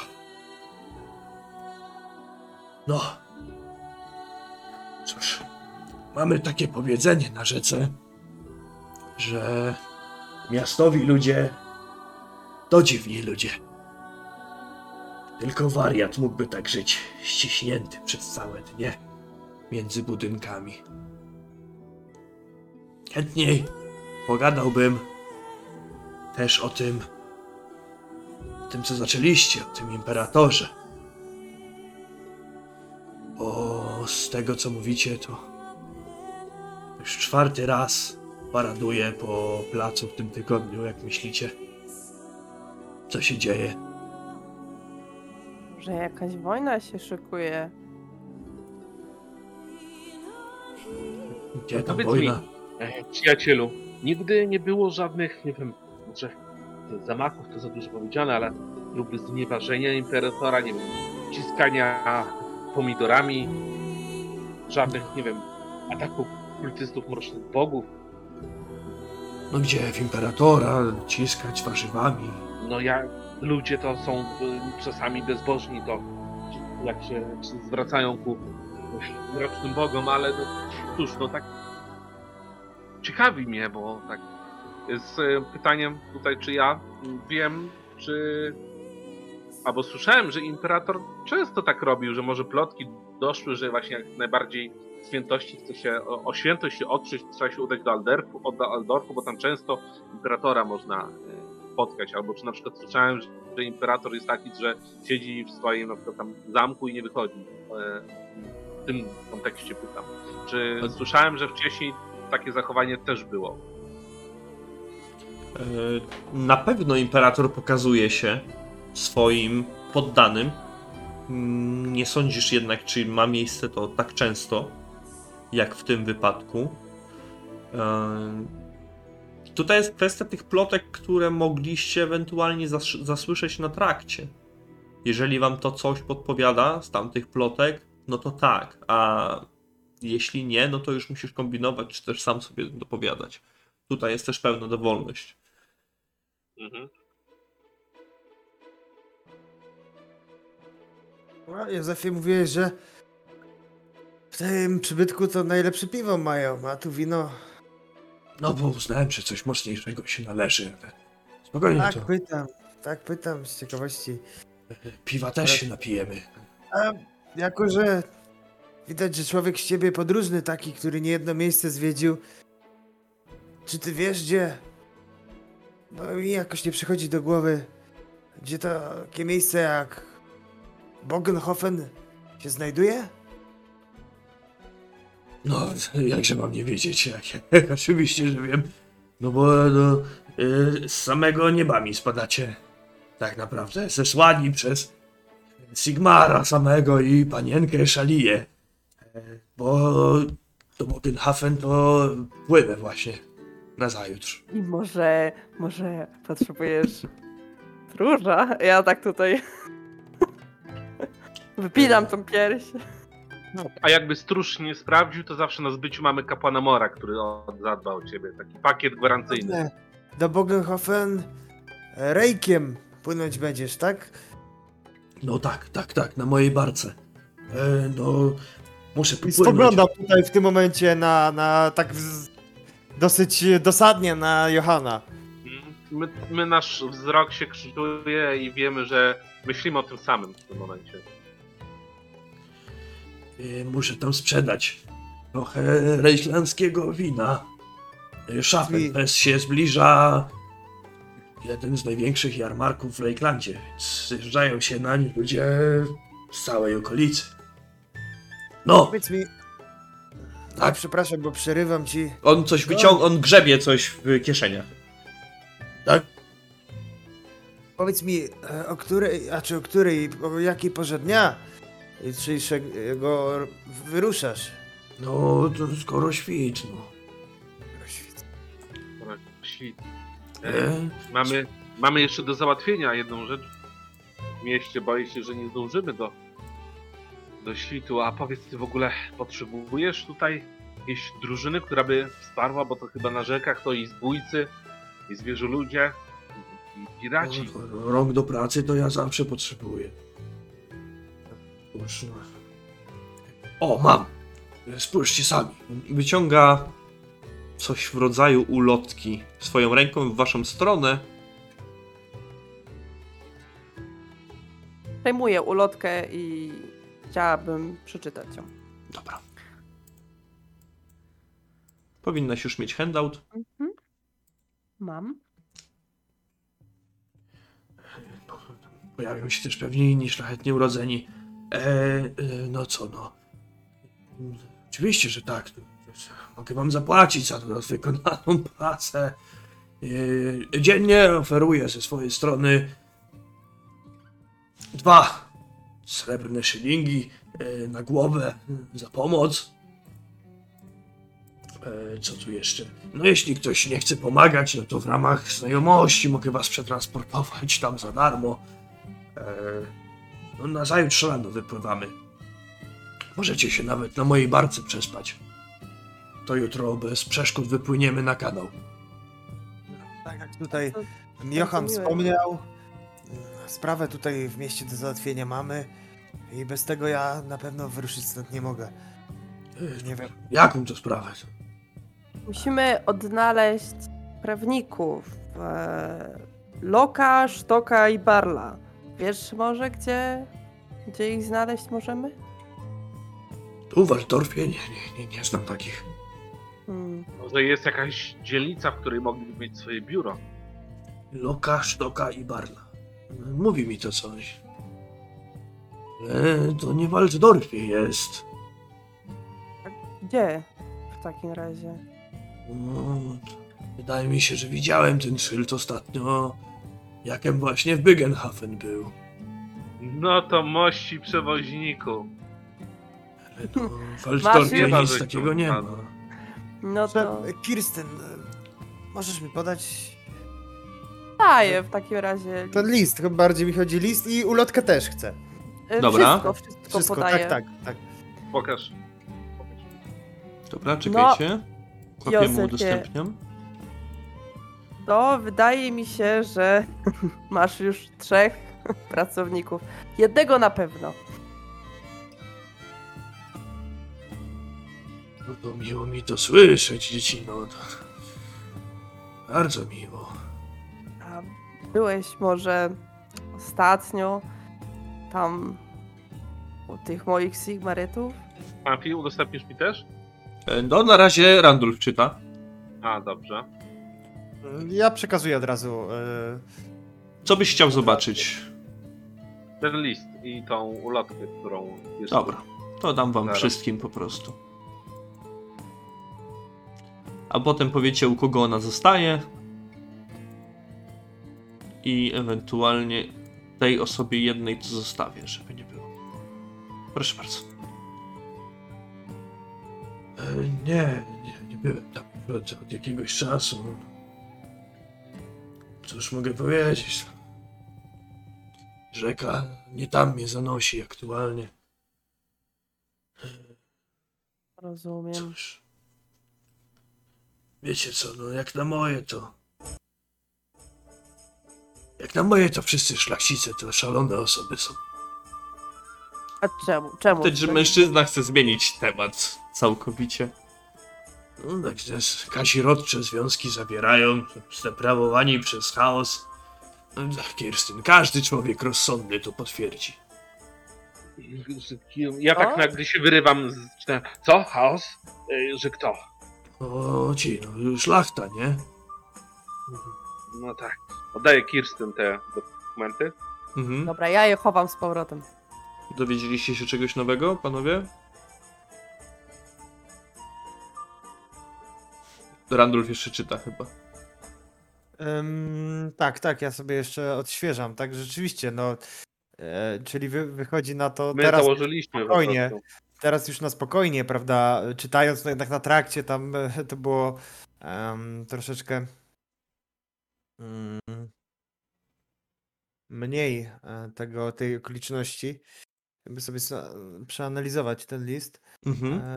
Em, Ale jak to kazirodcze? No co, no... e, Dziwne to dla ciebie, że szlachta kazirodcze związki wchodzi. I to łowcy czarownic pozwalają na takie rozplewianie się chaosu wśród szlachty? Aha, nie, daj, daj z- pokój z tymi łowcami już. Nie znam żadnego, jakbym znał, to bym się zapytał ich samych, co robią w tym czasie, kiedy szlachta się tak zabawi.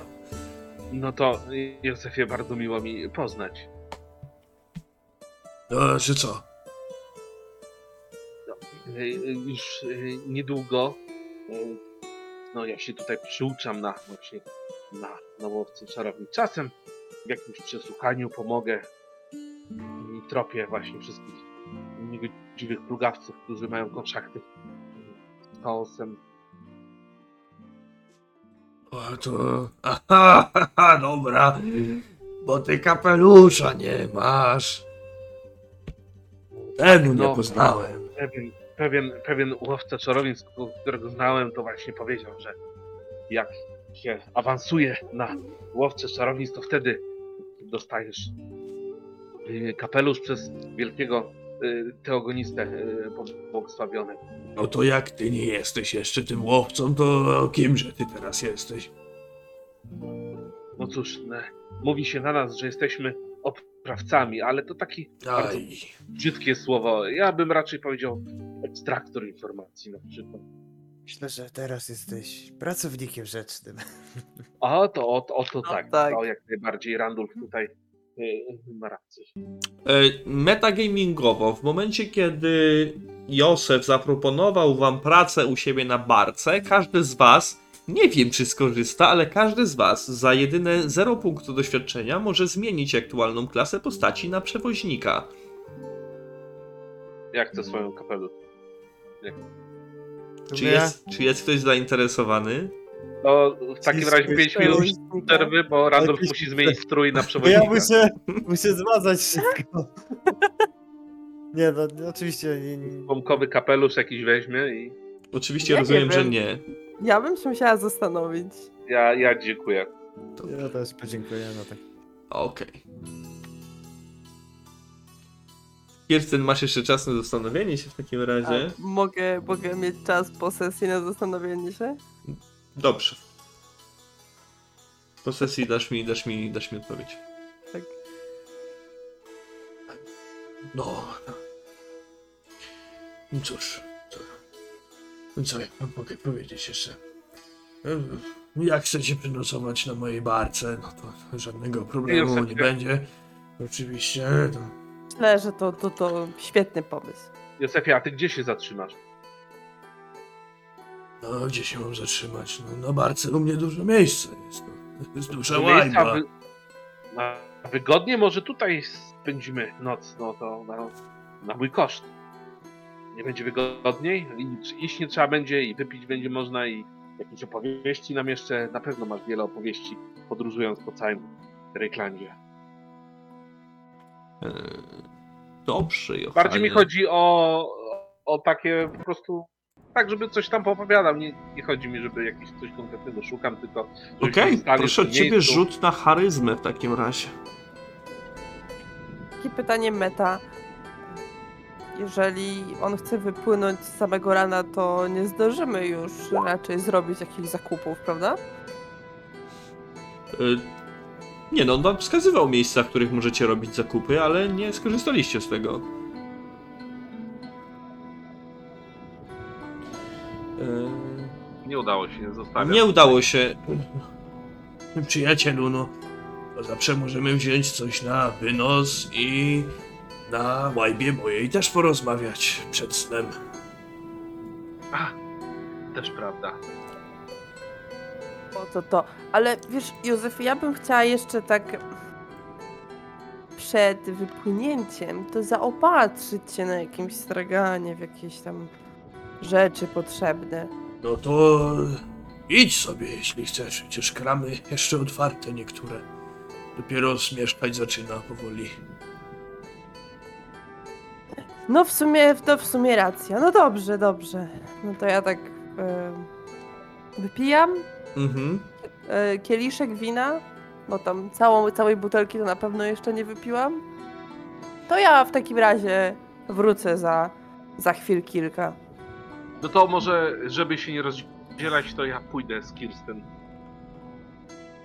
O, a tutaj Randulf się z Józefem za, za przyjaźni. No to Randulf to, ja tak do Józefa, Randulf to swój chłop, tylko czasem chłodem od niego bije, ale to od Morytów to normalne. Bo to każdy jest swój chłop, także żadnego problemu nie ma. Wszyscy dla siebie mili, serdeczni. To... No dobrze, to, to idźcie, wiecie gdzie, wiecie gdzie wrócić. Ja jeszcze, zanim od, oni odchodzą, ja taki Mhm. zamyślony siedzę i staram sobie po prostu przypomnieć tą sytuację, mm, która po części była trochę komiczna, tak? Yy, z tymi mężczyznami, e, którą opisywałeś wcześniej. I powiedz mi, czy ja sobie może przypominam, czy któryś z nich miał jakąś wysypkę właśnie, tak jak mówię, że Nie, on się nie, drapał. nie, nie, nie, powiedziałbym Nie, ci, albo dałbym ci szansę od razu na rzut. Nie, nie, nie. Dobra, miałem. dobra, no bo ja tak po prostu Domyślam analiza... Johan ci się udziela. Nie, nie, zupełnie nie w tym kierunku pytałem. Johan ci się udziela. Johanizm. Mechanizm, tak. No. No to ja idę z e, Kirsten. Raczej chodzi o to, żeby w razie czego, nie wiem, ktoś właśnie może nie okradł, tak bardziej dla towarzystwa idę, nie żebym coś konkretnego akurat potrzebował na... W porządku, Tak. oczywiście, nie ma, nie ma żadnego problemu.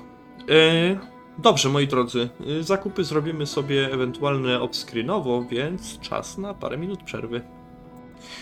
Kirstyn wraca po jakimś czasie z zakupami. Prawdopodobnie trzyma je w plecaku. W tym czasie Józef nachyla się do Randulfa, kiedy Johan i Kirsten wracają. Jak na moje, Randulfie, to wszystko jest takie dziwne. Racje to cię mogą dopaść zawsze. U pewnego przewoźnika, starego Miklosa. Na rzece z 20 lat pracował. I nic. A pewnego dnia to skóra zrobiła się tłusta i żółta. Oczy mu na zewnątrz wyszli. Nie żyje już biedak, co prawda, bo go jego towarzysze utopili, ale uważać trzeba zawsze. O! Wróciliście. Siadajcie, trzymaliśmy wam miejsce. Dziękuję. Może dodatkowe krzesło na te zakupy Kirsten, które naraz zrobiła. O, jak tam, dziecino? To kupiłaś, co musiałaś? Tak. Kupiłam. To najważniejsze. Żebyś zadowolona była. Siadajcie, siadajcie. Strawy nieco zamówiłem. Widzę, że Johan już zabrał do jedzenia. Bardzo dobra. Bardzo dobra.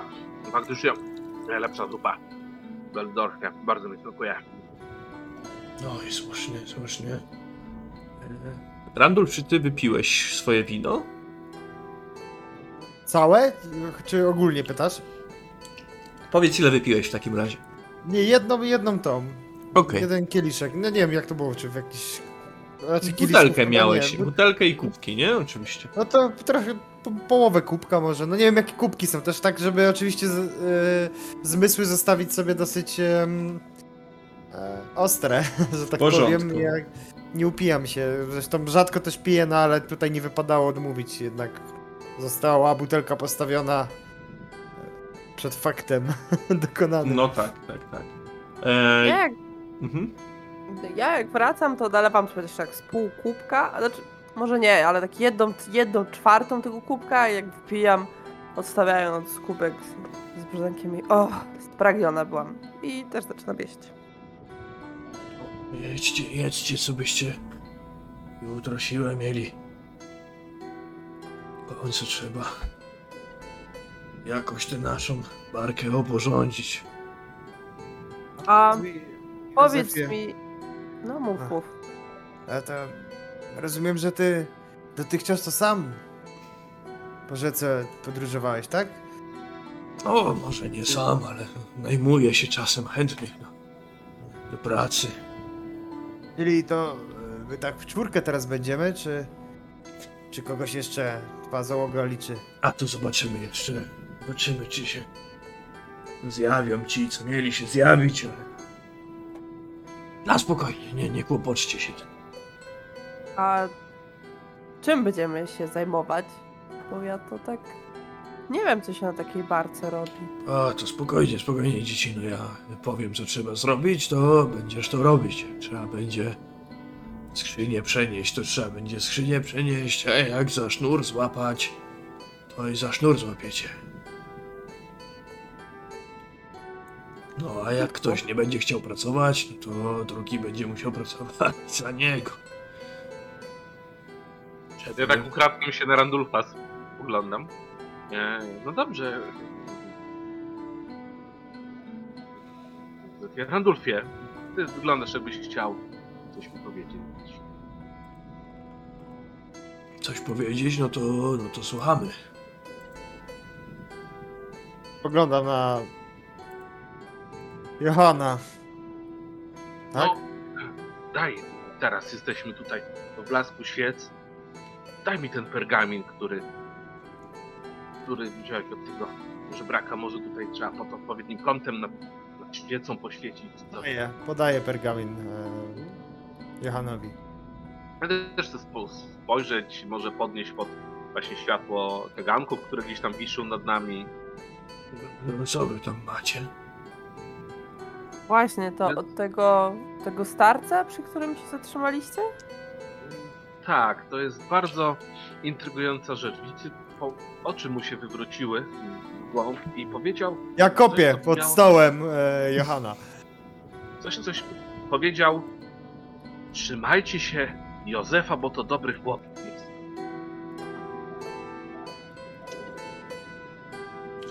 Johanie. Na co ty sobie tu możesz rzucić?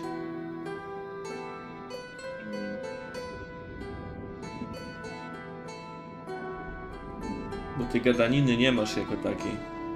Charyzma? Opanowanie? Nie, opanowanie Nie, chyba nie, raczej nie. Wiesz co? Występy? Ja poproszę od ciebie rzut mimo wszystko charyzmy, ale na minus 20.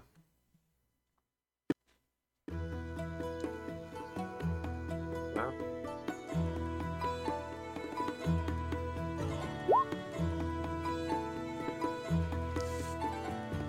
Zostaje ten rzut, rozumiem? Tak, zostaje. Dobra, to jest 5 sukcesów in minus. Nie no, jak już zacząłeś mówić, to teraz oczu tutaj nie mydl. Widzę, że przecież się gimnastykujesz z tą kartką. To teraz nie udawaj. Dobrze, on Mówi coś o... Oczy Mówi mu coś się o...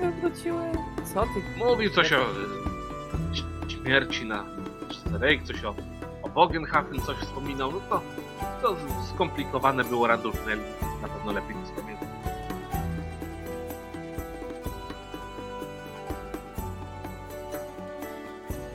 Uwaga Józefa przenosi się na Randulfa. On jest zaciekawiony tego, co mówicie, ponieważ mówicie półsłówkami, trochę jakby Johan na początku chciał powiedzieć więcej. Józef oczywiście nie zauważył tego kopniaka w stronę Na mnie Randulfa. spogląda. E, tak, e, zainteresował mnie ten człowiek, dlatego pospiesznie udałem się w jego kierunku, a Johan za mną. Jednak no, nieczęsto widuje się pergamin w dłoniach kogoś takiego. Jednego człowieka obdartego. Który pewnie nie potrafi I rzeczywiście wypowiedział on słowa, które były dosyć mm, zastanawiające. Oczywiście nie udało mi się zapamiętać mm, wszystkich całości jego wypowiedzi. Była ona długa i zupełnie, jakby to powiedzieć, nie pasowała do jego ust. Więc Ale to obraził was, czy... na pewno słyszałeś o czymś takim, jak jakaś przepowiednia. Brzmiało to jak przepowiednia, tak? Jakby ten człowiek mówił w takim stylu. Też nie chcę tutaj uchodzić za kogoś, kto w tej dziedzinie jest znawcą, bo oczywiście nie, nie jestem, ale tak to brzmiało. Gadał na pewno jak nie ktoś ze swojej klasy społecznej, tak którą No, wyglądał. dokładnie tak. A w garści ściskał, tak jak już wspomniałem, oto ten pergamin.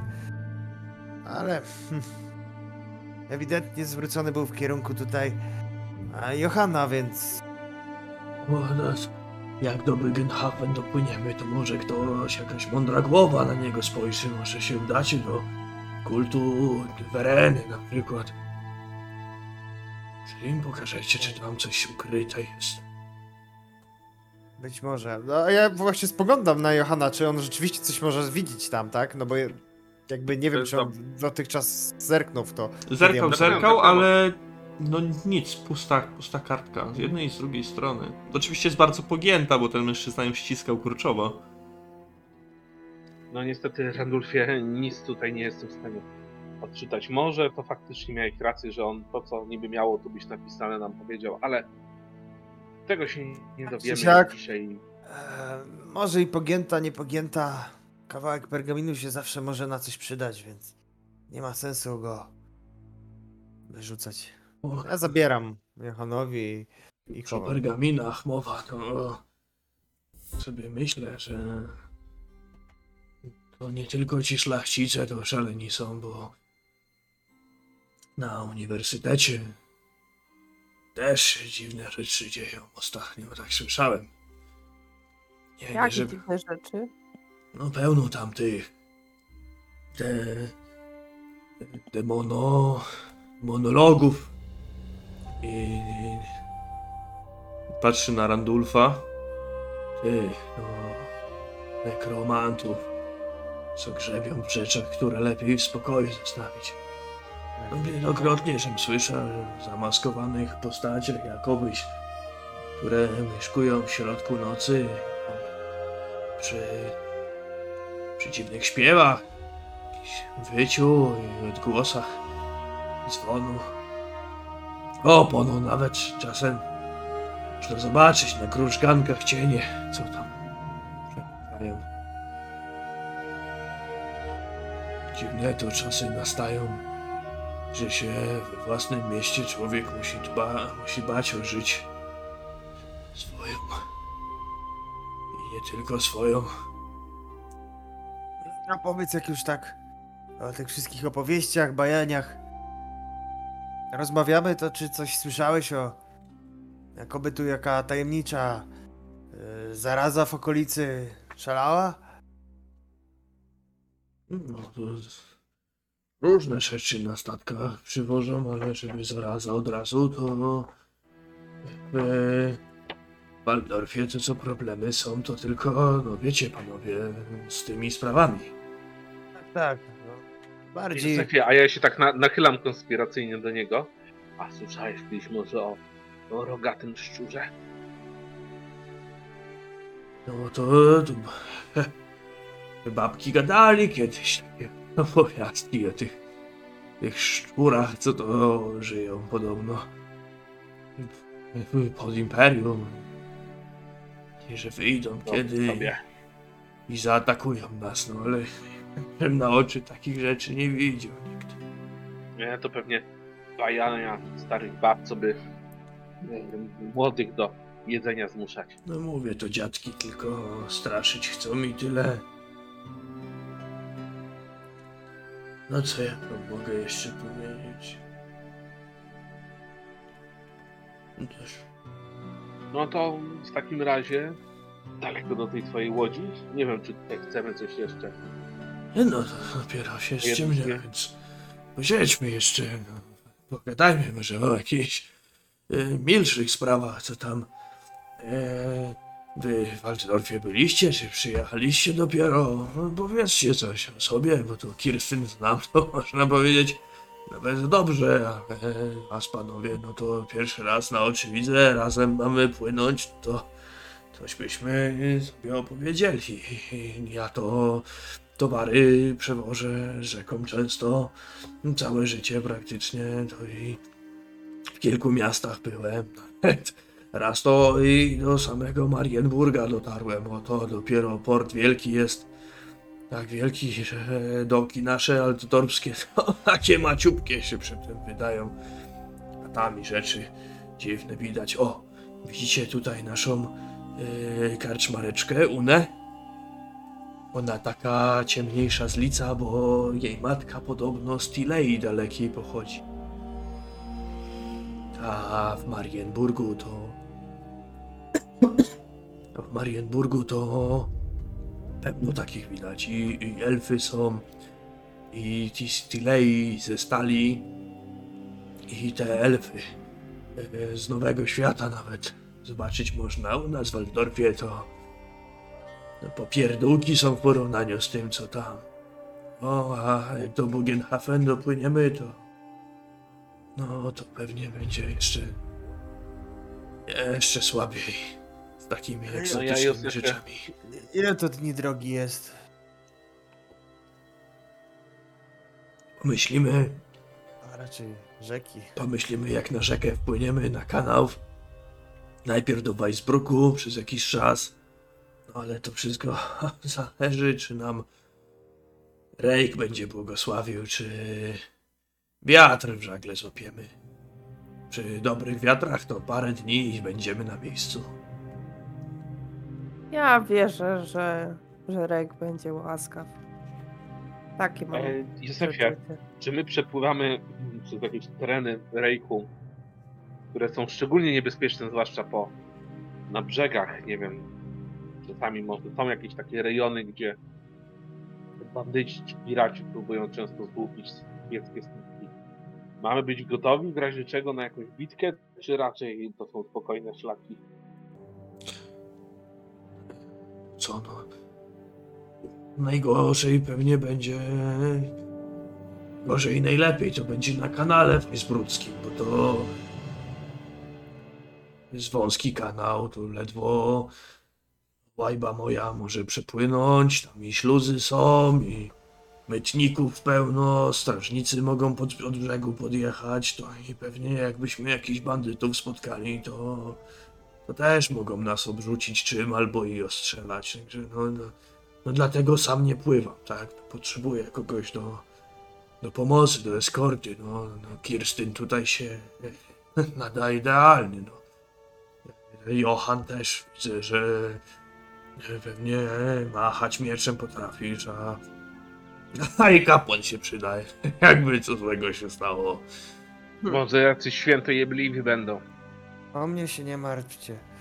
Ja jakże? fizycznie pracować pracowałem. Tak więc na bardzo też się przydam, a pracy się nie boję.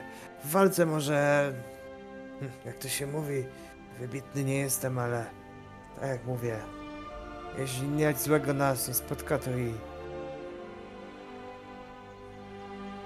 w pracy na pewno się przydam. Wybaczcie komentarz tutaj, Randulfie, no ale na, na krzepkich to nie wyglądacie. Ja wiem, że pozory mylą. Nic się nie stało. No wiesz, Józefie, przed wypłynięciem dobrze, dobrze będzie do, do Manalta złożyć jakąś ofiarę, co by, co by nas bezpiecznie przeprowadził przez, przez rzekę. Wypadałoby, wypadałoby jakiś pieniądz rzucić. A ty, Dokładnie. Józefie, właśnie zrobiłeś to, co mi zawsze e, mój dziadek powiadał, co też na przygodach zęby połamał, że przed wyruszeniem w drogę należy zebrać drużynę. I już drużynę masz, więc możemy, możemy rano wyruszać. No, tego trzeba bez, bez drużyny, to bym nie, nie raczył wypływać. A wina duże, dużo dobrego będziemy wieść, więc i, i chętni by się na to znaleźli. Jakże, jakże. Ja myślę, że ja już jestem tak w połowie butelki. Rozmawiacie sobie i popijacie raz na jakiś czas, oczywiście, że tak. Kiedy drzwi do karczmy otwierają się i do środka wchodzi wysoki, dość chudy mężczyzna. Ma orli nos, włosy ciemne, zaczesane do tyłu. Jego charakterystycznym znakiem jest z pewnością głęboka blizna, wręcz bruzda, która przycina lewy policzek. Momentalnie wszyscy w karczmie spoglądają w jego stronę. Kiedy przechodzi w stronę baru, blask świec odbija się na jego czarnym, skórzanym ubraniu. Ludzie wzdrygają się wręcz, gdy mija ich stoliki. Mężczyzna podchodzi do młodej karczmarki i kładzie na blacie garść monet. Brandy. Czy ja wyczuwam coś znajomego w tym człowieku? Może widzę jak się nosi, może jakie ubrania ma i chciałbym sprawdzić, to może nie być ktoś, e, że mogę tak wywnioskować, ktoś z łowców właśnie. Oj, nie, nie, kompletnie. A ja po prostu od razu zwracam się do Józefa i tak ciszej mówię. A ten mężczyzna, co tak? Wszyscy tu zamarli. Znasz go może?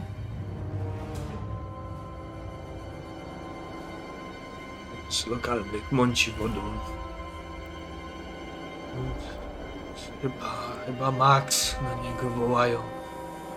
Lepiej mu w drogę nie wchodzić, bo to... jeden już zęby dostał. Mężczyzna w tym czasie odbiera całą butelkę zamówionego trunku, podchodzi do stolika znajdującego się w kącie, jakiś kawałek od was, a zasiadający tam ludzie podnoszą się i momentalnie przenoszą gdzie indziej, robiąc mu miejsce. Tak, Siada i zaczyna pić, rozglądając się po karczmie.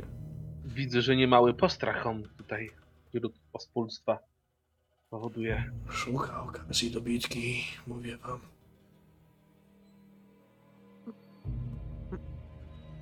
Tak? I mówi, że nie jednemu już w mordę dał, to widowisko powinno być tutaj wielkie, jak Jestem swoją nową ofiarę. działka. Kirsten, uważaj na niego. Nie ma się co rzucać na większych od siebie. Nie, nie, ja, ja może jestem i młoda, ale nie narwana. Przesady. Póki my tu siedzimy spokojnie, jemu w drogę nie wchodzimy, to i on nam nie wadzi. Siedźmy, rozmawiajmy, pijmy dalej. A na oku mieć człowieka można. Też tak sądzę. A może w kości byśmy zagrali, co wy na to? No, co, możemy zagrać i w kości, czy, czy w karty. Jeśli macie swoje, to nie ma problemu. A jak Tak, nie, chętnie. to, Bardzo. Jak nie, to zaraz do Uny podejdę. Nam cosik wypożyczy. No to O. ja tam chcę zagrać z Kirsten, tam o, nie wiem, 5 pensów czy coś takiego. O, to wszyscy zagrajmy. No jakże, jak się bawić, to, to wszyscy. Ja to... e, No i o pieniądze nie trzeba grać. A za... No to zagrajmy. No to jak chcecie o pieniądze, to, to i dla rozrywki można. Józef podnosi się, brzuchem zawadza o ławę, kiedy wstaje, poprawia swoją długą brodę i przesuwa się po ławie w stronę wyjścia i człapie do, do baru. Dobrze, jak zostajemy sami, to poglądam na, na Johana. Johanie, Ja wiem, że ty jesteś dobry, dobry człowiek i dobre masz intencje, ale mam prośbę. To mój stary, dobry znajomy i nie chciałabym, żeby, żebyś go potraktował jak tego woźnicę albo i jak innych traktujesz wokoło, także chociaż jeżeli nie ze względu na niego, to może ze względu na mnie prosiłabym, żebyś pilnował się. Jeżeli Kirsten chce, żebym odwrócił swój wzrok od, od chaosu, to nie mogę tego zrobić. Ale też Józefa bardzo lubię. To bardzo prawy człowiek i będziemy z nim płynąć, dlatego e, wydaje mi się, że tutaj nie masz czego się obawiać. A jeżeli kiedyś by się mu coś przydarzyło, podobnie jak temu biednemu woźnicy, który nie woźnicy, tylko temu mojemu przyjacielowi, który nas zaatakował na trakcie, to sama będziesz prosić, żeby, żebym zadał mu ten ostatni cios, który zakończy jego męki. Ale póki Prosić co cię- widzę. Prosić cię o to nie będę musiała, ponieważ sama, jeśli będzie trzeba i takie okoliczności nastaną, żywot mu odejmę. Jednak o Hulca mi chodzi i o to, co się z nim stało, Johanie. O tak. Miejmy nadzieję, że miejmy nadzieję, że nie dojdzie do, do takiej e, podobnej sytuacji.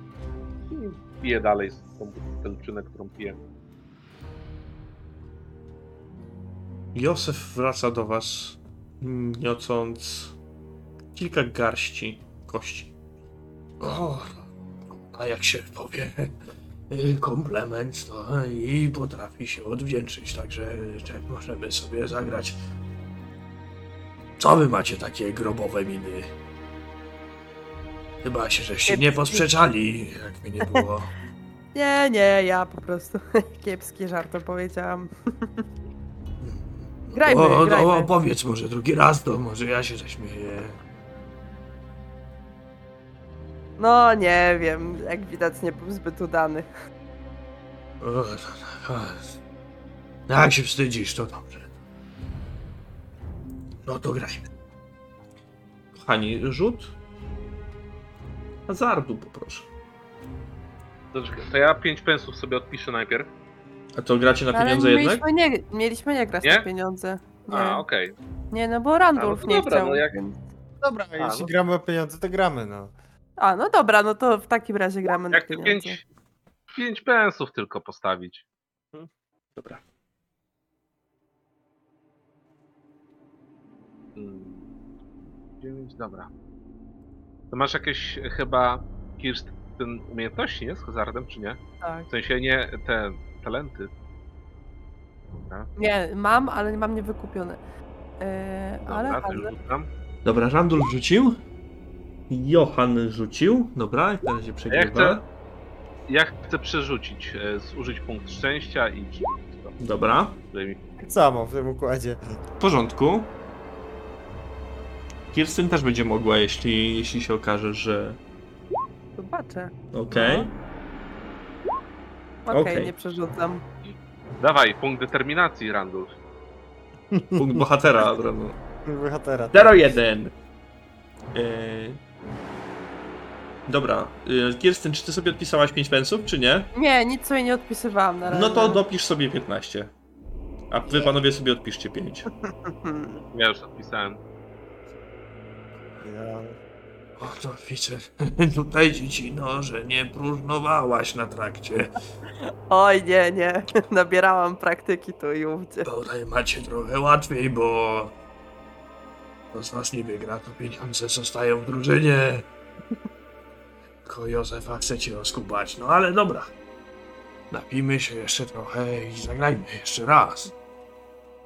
A pewnie, pewnie, może ci się poszczęści tym razem.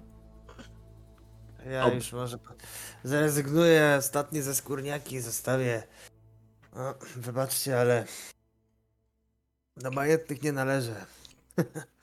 O, Mogę ci, Randulfie, pożyczyć. A już nie jeden przez lichwę. dużo stracił. To co? Johan, Kirsten, gracie? odbieramy Się. Tak, tak. to- Też o 5 pensów? tak, no Ja Tak. sobie obserwuję Też. karczmę po prostu, co się dzieje i Dobra. e, rzu- e, rzucam, rzucam. Nie, ja to chcę przerzucić. No, minus teraz 6. sto. Okej. No. To się odkuł. Zostaje. Nie, No ja tak. znowu chcę przerzucić. Dobra.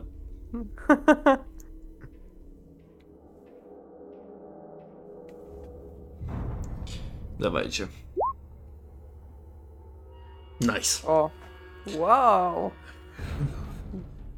No, jeśli nie oszukujesz, to naprawdę Ranald musi ci dzisiaj sprzyjać. Johanie, tyle mogę powiedzieć, ale... Ten, to jest stary trik, Józefie. Pierwszy raz dajesz przegrać, żeby przeciwnik stracił właśnie tutaj, prawda, czujność i odgrywasz się. No to jeśli odpisałeś sobie, Johan, czy nie odpisałeś sobie 5 Tak, pensów? od- No to dopisz sobie teraz po prostu 15, bo 5 twoich wraca i 10 wygrywasz. Tak jest. No to, to dajcie chociaż szansę staremu człowiekowi. No, ale o 10 zagrajmy. Ja, trzeba wiedzieć, kiedy grać, trzeba wiedzieć, kiedy przestać. Także ja podziękuję. Kirstyn, no chyba mnie nie zawiedziesz. No dobrze, niech będzie. No, 10 Ale to już ostatni raz. Ostatni raz, oczywiście. Dawaj. Przerzucam. Nie musisz. O! Yeah. Dobra. Ale Niech to Ulryk trafi. Nie mam dzisiaj szczęścia kompletnie do tej gry. Ale A, wiesz, wiesz Józefie, jak to, jak to mówią, jak się nie ma szczęścia w kościach, to jest szczęście w miłości. O tak. no. Powiedz to mojej żonie nieboszczce. No, chyba, że Una na mnie spojrzy łaskawym okiem, ale to ja już za stary na to jestem. A niektóre takie lubią z takich wiekowych. A, to różniej bywa. Spójrz no bracie, co za osobliwy przybytek. Słyszycie z zewnątrz, kiedy otwierają się drzwi. I do środka wmaszerowuje dwóch młodych szlachciców. W towarzystwie czterech barczystych jegomości. Y, Dwa razy najlepszy trunek, jaki tutaj macie, ty karczmareczko, poproszę. Mężczyźni są już podpici i chichoczą jak dzieci.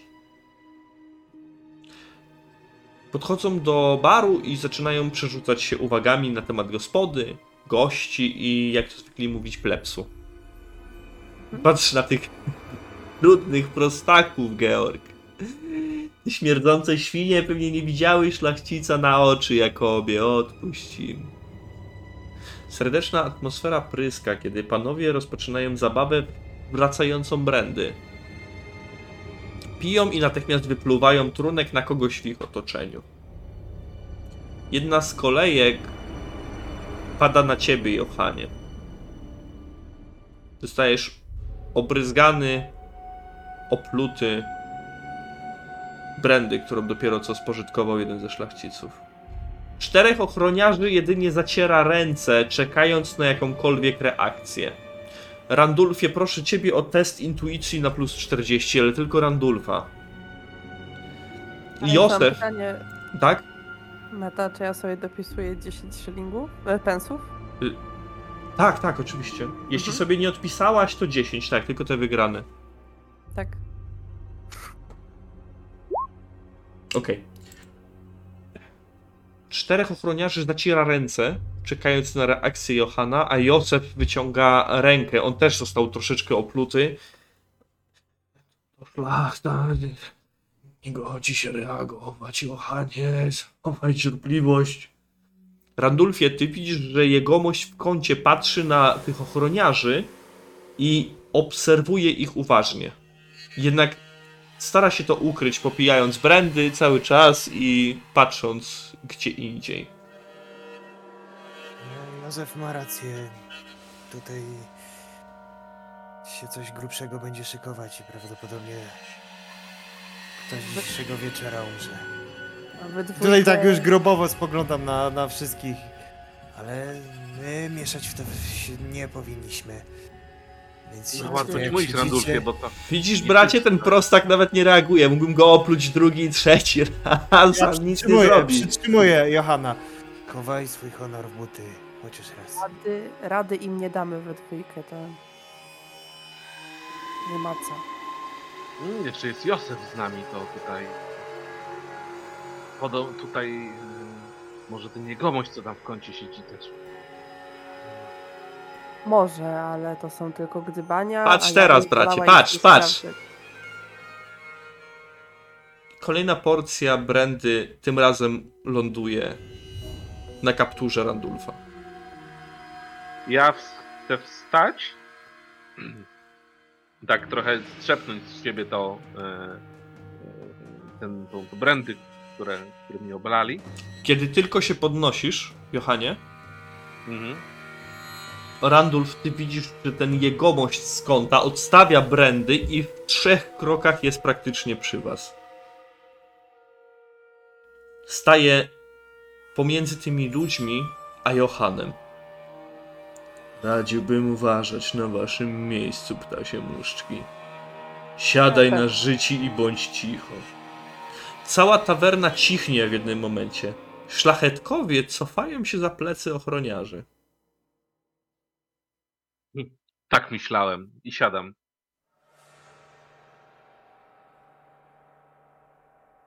Mężczyzna spogląda się na ciebie, Johan.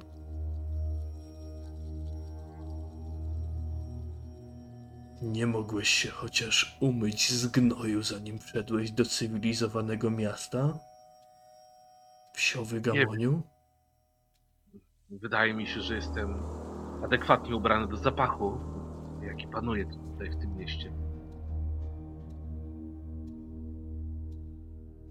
Mężczyzna spogląda na ciebie i zbierając ślinę spluwa na stół, przy którym siedzicie.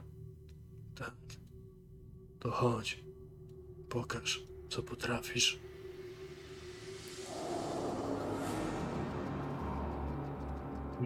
Z szacunku dla karczmarza zawsze możemy wyjść na zewnątrz. Nie ma na to czasu. Mężczyzna odpycha ciebie, mimo że siedzisz na ławie, i ty uderzasz plecami w e, ścianę. No to wryja go, nie? Dobra. Koniec tutaj. Masz Gadanie. broń białą bijatykę? Mhm. Dawaj. Mm, już sobie biorę na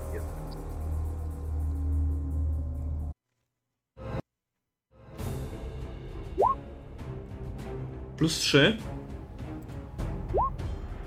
Dobra. Masz y, wpisane obrażenia, jakie zadajesz z pięści? pięści. Y, chyba nie, a to nie jest y, bonus z siły? Więc ile obrażeń zadajesz? Trzy. Trzy. Mężczyzna nie uniknął tego ciosu, dał się uderzyć, ale parsknął śmiechem, kiedy przyjął ten cios. I w myślach dudnią ci twoje słowa o tym, że na początku musisz komuś dać wygrać, tylko po to, żeby się odegrać. Trochę przeinaczone. I będzie próbował ci oddać z całą swoją determinacją. Więc e, albo unikasz, albo broń biała bijatyka. To jest twój wybór. Możesz też próbować zejść z linii, na przykład atletyką. W różny sposób będziesz mógł kombinować. Także interpretację Nie, zostawiam nie, no chcę, chcę spróbować sparować mu e, to, to uderzenie. I jemu weszło, jeśli coś. Mhm. A to spalę sobie ten ostatni punkt szczęścia. Dobra.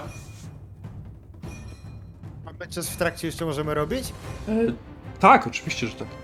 To ja no, chciałbym mm, odsunąć się na ławie zdecydowanie od tego pojedynku, jeszcze bardziej w kaptur się schować i rzucić Mhm. błogosławieństwo tutaj w kierunku Johana. Oczywiście tylko szeptając modlitwę. Dobra, e, tam nie masz napisane, że musisz coś widzieć i tak dalej. Z tego co wiem, to nie. Dobra. Z tego co Bar- wiesz. Eee, rozumiem, że to jest ta monetka, która pozwala mi tutaj zobaczyć opis jakiś, tak? Tak, tak, tak, ta monetka. E, Johan, zanim Randulf będzie mógł cokolwiek zrobić, nawet tego nie widzisz, ponieważ pierwszy cios trafia ciebie. Jest 7 punktów obrażeń. Przyjmujemy, że okładacie się po twarzach, więc. Dobra. No to mi dosyć sążnie walnął. Kirstyn, Weszło mi 5 punktów. ty widzisz, że ten mężczyzna ma przy sobie broń. Ma miecz krótki i ma sztylet, ale nie, dobije, nie, dobi, nie dobywa go. Ja bym chciała go. Że ja bym chciała wstać od tej ławy, ale. Albo może odsunąć się, ale tak, żeby w razie czego móc szybko zareagować, jakby tutaj miało dojść do, do, do, do czegoś poważniejszego. eskalacji. niż rani. Mhm. E, Randulf, No ja bym chciał mm, tak dosyć potajemnie rzucić po prostu błogosławieństwo szczęścia na Johana. rozumiem, że to jest natychmiastowa jakby akcja. Eee, t- czas 6 rund, nie mam tu nic Trwania więcej. przez 6 rund. Dobra, no to Nic dawaj, więcej. rzucaj. A Johan wyprowadza cios. Sukces. Okej. Ktoś mi daje ten. y, Co mi daje to błogosławieństwo? Twój następny, Następny nieudany, nieudany test, test. Może zostać przerzucony bez, y, bez posiadania punktów szczęścia. Mhm. Okej, dobra. Ty masz większy sukces i jeszcze dodajesz krytyk. Będziesz miał 6 punktów obrażeń mu zadasz, tak? Y, Mam 3 punkty y, z siły, nie wiem czy to wtedy. A, czyli 5. W porządku. W takim razie trafienie krytyczne w twarz. Dawaj. 44. 44. Na imię jego 44. Trafiasz swojego przeciwnika prosto w czoło, które pod wpływem, nie wiem czy masz kościstą dłoń, ale rozcinasz mu to czoło i on zaczyna zalewać się krwią. Znaczy, Oczywiście otrzymuje dodatkowe obrażenia i kiedy ta krew spływa mu na twarz, on w tym może nie szaleńczym akcie, ale w tej adrenalinie oblizuje się tylko, następnie ociera zadowolony z tego i będzie ciebie atakował. Mhm. To ja paruję znowu. Okej, dawaj. Dobra, bez problemu. Wymijasz jego cios i atakuj. Jeśli będziecie chcieli coś przerwać albo coś wtrącić, nie krępujcie się. Ja cały czas się modlę, jakby po prostu mimo tego, że wiem, że prawdopodobnie mój Bóg e, wysłuchał mojej prośby, by tutaj przeważyć, Dobra. ale dalej się modlę. Kolejny cios spada na czaszkę człowieka zwanego Maxem, ale oczach Kirstyn te ciosy nie robią na nim większego wrażenia. Ten mężczyzna zalewa się krwią i jedną ręką zaczyna na siebie ocierać, tracąc czas, dlatego prawdopodobnie Johan jest w stanie go trafić, ale kolejne uderzenie ten mężczyzna wyprowadza. Ja przeglądam się, popijając wino. Johan. Super, bronisz się, masz świetne rzuty. Dawaj. Atakuj. Teraz wychodzę z kontrą. Okej. Chcesz Chodzisz- użyć Dawaj. tą, e, to szczęście od e, Nandulfa. Super. Mor mi sprzyja. Tak. I to bardzo. tylko ja ci sprzyjam. I to bardzo ci sprzyja. Mor, E, mor, mor w postaci Randulfa. dobra, ja proszę ciebie. 6 rund, dobra. Czyli jeszcze, jeszcze łapię to, prawda? A, to nie jest Raz. jednorazowe, rozumiem, tak? Nie, nie.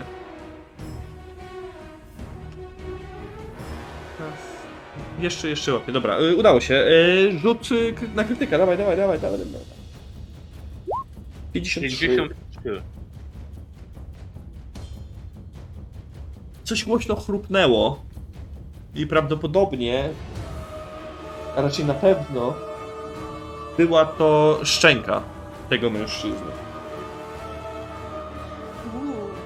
Głośne chrupnięcie z takim wręcz przesunięciem, grymas bólu ogromny. Ten człowiek nie zamierza się poddawać.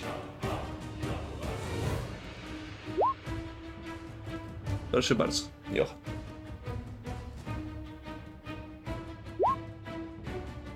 Ojej. Zakładam, że już użyłem to szczęście Tak, od... tak, no nieudany test. Tak. No dobrze. Nieudany test.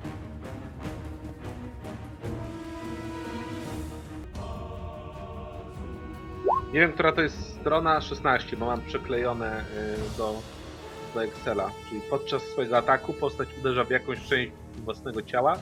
Może to wynikać. y, Dobra, dobra, dobra, dobra. Wiesz co, po prostu jest tak, nie będziesz siebie sam uderzał, bo ty się broniłeś w tym, y, w tym wypadku. E, otrzymujesz 7 punktów obrażeń. No to już y, jestem na minus jeden. Jesteś Przepraszam, nie na minus jeden, nie na minus jeden, bo jeszcze jest moja wytrzymałość. y, Tak, tak. Jestem na. Jestem na jednym. Jesteśmy jeden. Jeden. E, widzicie, że wasz towarzysz ledwo się już trzyma na nogach. Dostał kilka ciosów, które mimo, że tamten mężczyzna wygląda dużo gorzej, to jest zdecydowanie bardziej zaprawiony w walkach niż Johan. Johan, ty oczywiście możesz, nie wiem, osunąć się, opaść, ale twoja decyzja jest taka, czy będziesz atakował kolejny raz. Ja bym chciała wstać. Dobra, wstajesz. Johan, co robisz? No, czekam, czekam na. Już jak mam, że tak powiem, wyjść z powrotem z ciosem, to, to patrzę na Kirsten, że, że wstanie licząc, że y, dołączy się i mi pomoże. Wstaję widząc, że Johan już tam ledwo się trzyma. To jest jak w tym. Chleb. Zmiana. Kiedy Kirsten wstaje, zauważy, że tych dwóch ochroniarzy rusza tak jakby, jakby chciało odgrodzić ją. Panowie, już dostał w pierdol, już więcej mu nie trzeba. Wygrałeś. Dajcie Oś, pokój od- już. Odpuść sobie to, bo źle się to dla ciebie skończy. I tak dyszę ciężko. Dobra, Kochanie. y, Kirsten, Kirsten miała dobry argument, ale Johan zaczął grozić człowiekowi, który praktycznie go sklepał, więc poproszę od ciebie, Johan, rzut na zastraszanie. Eee, Hmm. pokaż mi to. Dobrze, rzuć sobie na zastraszanie. Okej. Ja E, bym w razie jeszcze- tego to mam jeszcze talent, który e, no trochę zmniejszy tą moją. Tak, Nie no, musiałbyś mieć sukces. A, dobra. Musiałbyś mieć sukces. Dobrze, zmarnowałeś swoją rundę na gadanie. Mężczyzna ten tylko się śmieje i wyprowadza cios. Mhm. Okej, mam słabe rzuty, ale. Zero. Bronisz się. Walcz. Walcz ze mną. Johan. Dobra, ja bym chciała ich rozdzielić w takim razie. Nie, nie. Przed tobą staje tych dwóch mężczyzn, jakby odgradzając cię od tego pola walki. Randolph też się odsunął, modląc się cały czas. Józef też się odsunął. Walka to walka, a ty, Kirstyn, powinnaś wiedzieć, jakie są zasady. Dopóki jeden nie padnie. Albo się nie podda. Wiem, wiem. Johan, Wystarczy już człowieku. Nie ma sensu dalej go ciągnąć. Powiedzmy, że poddaje się. rzuć sobie na charyzmę na plus 20.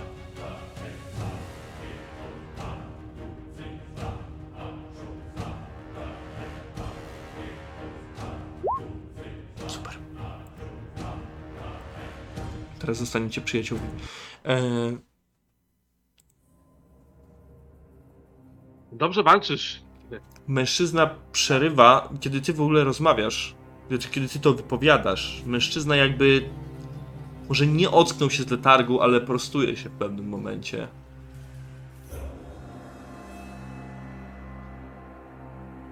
Miał już splunąć, ale odwraca się jedynie napięcie. Uważaj na siebie, wsiowy gamoniu i wychodzi z karczmy. Tuż przed nim wychodzą ci ochroniarze i szlachetkowie, którzy są niezwykle zadowoleni z przedstawienia, które miało tutaj miejsce. Ja się osuwam na ławę. Widzieliście? Prawie go miałem, ale to jakbym go sklepał do końca, to by nie miało żadnego znaczenia, tylko byśmy problemów mieli. Tak jak mówiłem Józefie, trzeba wiedzieć, kiedy się wycofać. Na moje to w ogóle nie powinieneś się dać sprowokować, ale użyli mocnych argumentów. Jak ktoś pluje, to dalej Nie się można być dzieje. miernym. Wszystko wygląda na to, że było ukartowane, a ty żeś się dał po prostu sklepać jak dziecko. Ciekawe jak Kirsten jakby ciebie sprowokowali. Ciekawe jak ty byś się zachował. Zamiast schować w kieszeń dumę i honor, to zawsze musisz wyrwać się przed szereg. Kiedyś sprowadzi to na, tobie, na ciebie śmierć. Niepotrzebną śmierć. I dalej jestem Honoru- pod kapturę i, i w kapturze i nawet jak spojrzycie, coś tam tutaj e, po prostu krople mi e, czegoś spływają. To nie wiecie co to jest. Nie wiecie co to jest. Honoru trzeba bronić Randulfie.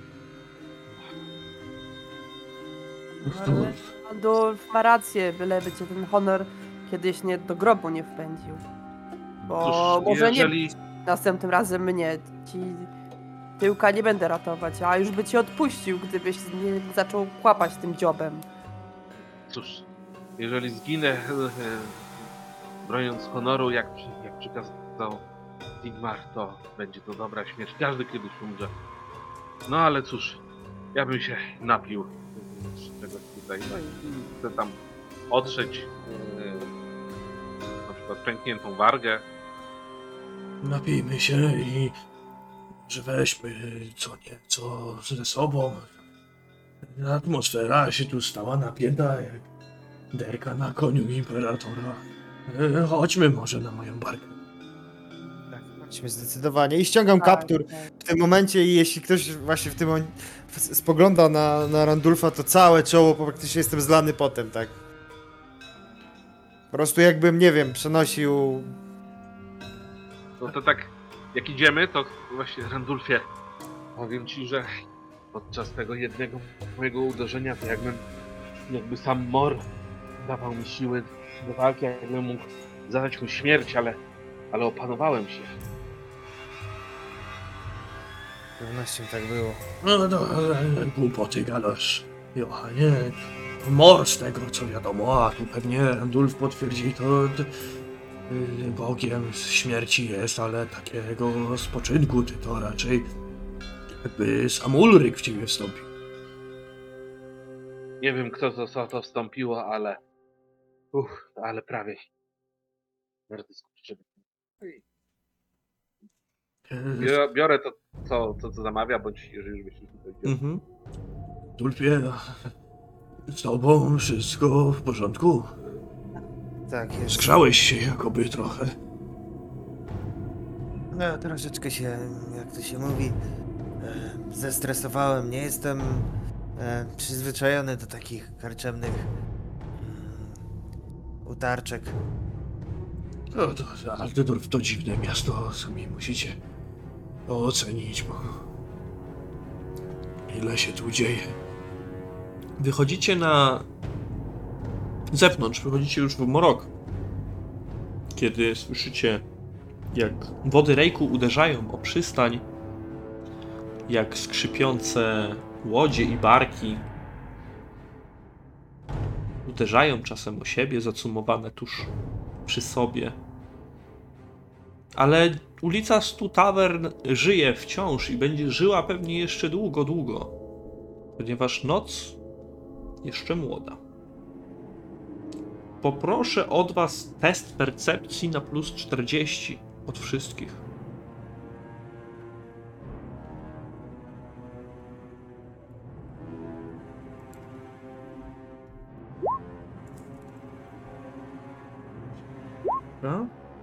Bym chciała to przerzucić.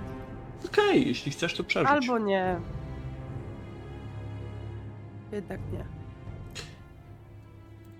Być może zagadujesz się z Józefem przez jakiś czas, y, być może za bardzo podziwiasz e, wygląd miasta nocą, ale Randulf i wyczulony być może na tym punkcie Johan e, słyszycie y, kroki za sobą, kiedy idziecie w stronę nabrzeża.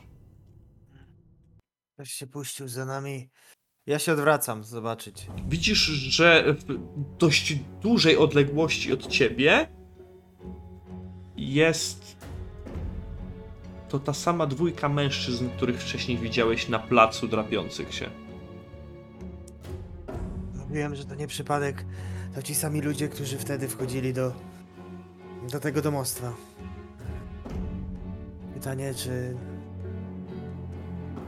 Czy teraz jest ten moment, żeby z nimi się. rozmówić, co chcą? No, bo Randulfie trochę mnie sponiewierali, więc tutaj Dlatego. Dlatego mówiłem, byś siedział na życi, kiedy miałeś siedzieć na życi. A teraz, kiedy prawdziwy problem się pojawia, ty już ledwo dychasz. dobrze. Jedną nogą w królestwie mego Boga jesteś. Na szczęście jeszcze jestem ja. Tak, oczywiście. Zawsze w końcu możesz wziąć sprawy w swoje ręce. W końcu to na ciebie się gapili. Dobrze, e, może hmm, zróbmy tak, rozdzielmy się, skręćmy w jakąś alejkę i poczekajmy tam na nich. Nie. Chodźmy dalej. Ruszacie przed siebie? Zgadzam się z Randulfem. Na to wychodzi.